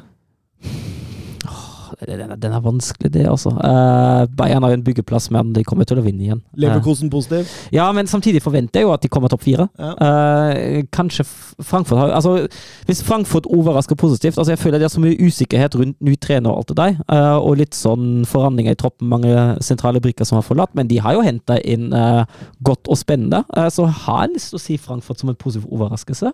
Leipzig negativ, eller? Ja, jeg kan si det sånn, da. Mm. Eh, La Liga, Mats. Oh, nei, hvis jeg må si noe nå altså, Det er jo så stille i La Liga. Altså, det er jo det er liksom litt som å tippe tabellen fra fjor. Men jeg tror Celta Vigo under Rafa Benitez kan jo bli artig. Eh, De har henta litt òg. Ja, de har det. Var det Bamba, Bamba som kom der, ja. Eh, kul overgang. Og Strand Larsen, som Søren var innpå, skåra vel to mål mot eh, Cristiano Ronaldo der. Eh, skuffelse. Eh, altså, Sevilla var jo på en voldsom opptur i fjor. Jeg tror vel egentlig de går høyere. Eh, men hvem som da havner utafor der altså jeg, Hvis de, en via Real ender opp med å selge Chukwese Er det feil å si Valencia, eller? At de ikke får At de ikke får topp ti i år igjen? Er det, er det lov å si det? Eller så må jeg vel nesten kanskje frykte litt at vi Real får en liten nedtur, altså. Deilig, deilig eh, Den gule ubåt der, altså. Men nå drar jeg til Kroatia. Ja. Blir jeg borte i 10-11-12-13 dager, så det, det Du har ikke bestilt turen hjem ennå? vi, vi får se når jeg kommer hjem, si. Eh, Det er jæklig varmt der nede, så ta med vann. Ja, jeg skal ta med vann fra Norge. Ha med Imsdal. 40, 40 kilo vann fra Eller kilo, det heter det 40 ikke. kilo. du, du drikker ikke vann i liter, Ja, du drikker vann i kilo! Jeg tenkte når du måtte veie den på Ja, flyplassen, ja. og det er 40 kilo med vann. Og jeg tror når du er tilbake fra ferie, så har jeg reist, veit du. Ja, men det, derfor så blir, det, så blir det noen gjester på oss, da, tenker jeg. Så, så vi er vel tilbake om en to ukers tid, i hvert fall. Mm. Uten uh, doktor Dupker på sida Ja, vi, vi får se når det blir, da. Ja, Om vi rekker den, uh, den der. kanskje du rekker en. Det kan tenkes at jeg rekker. Det ser vi, eh, og inntil det så ønsker vi alle våre lyttere en god videre sommer. Adjø. Ha det.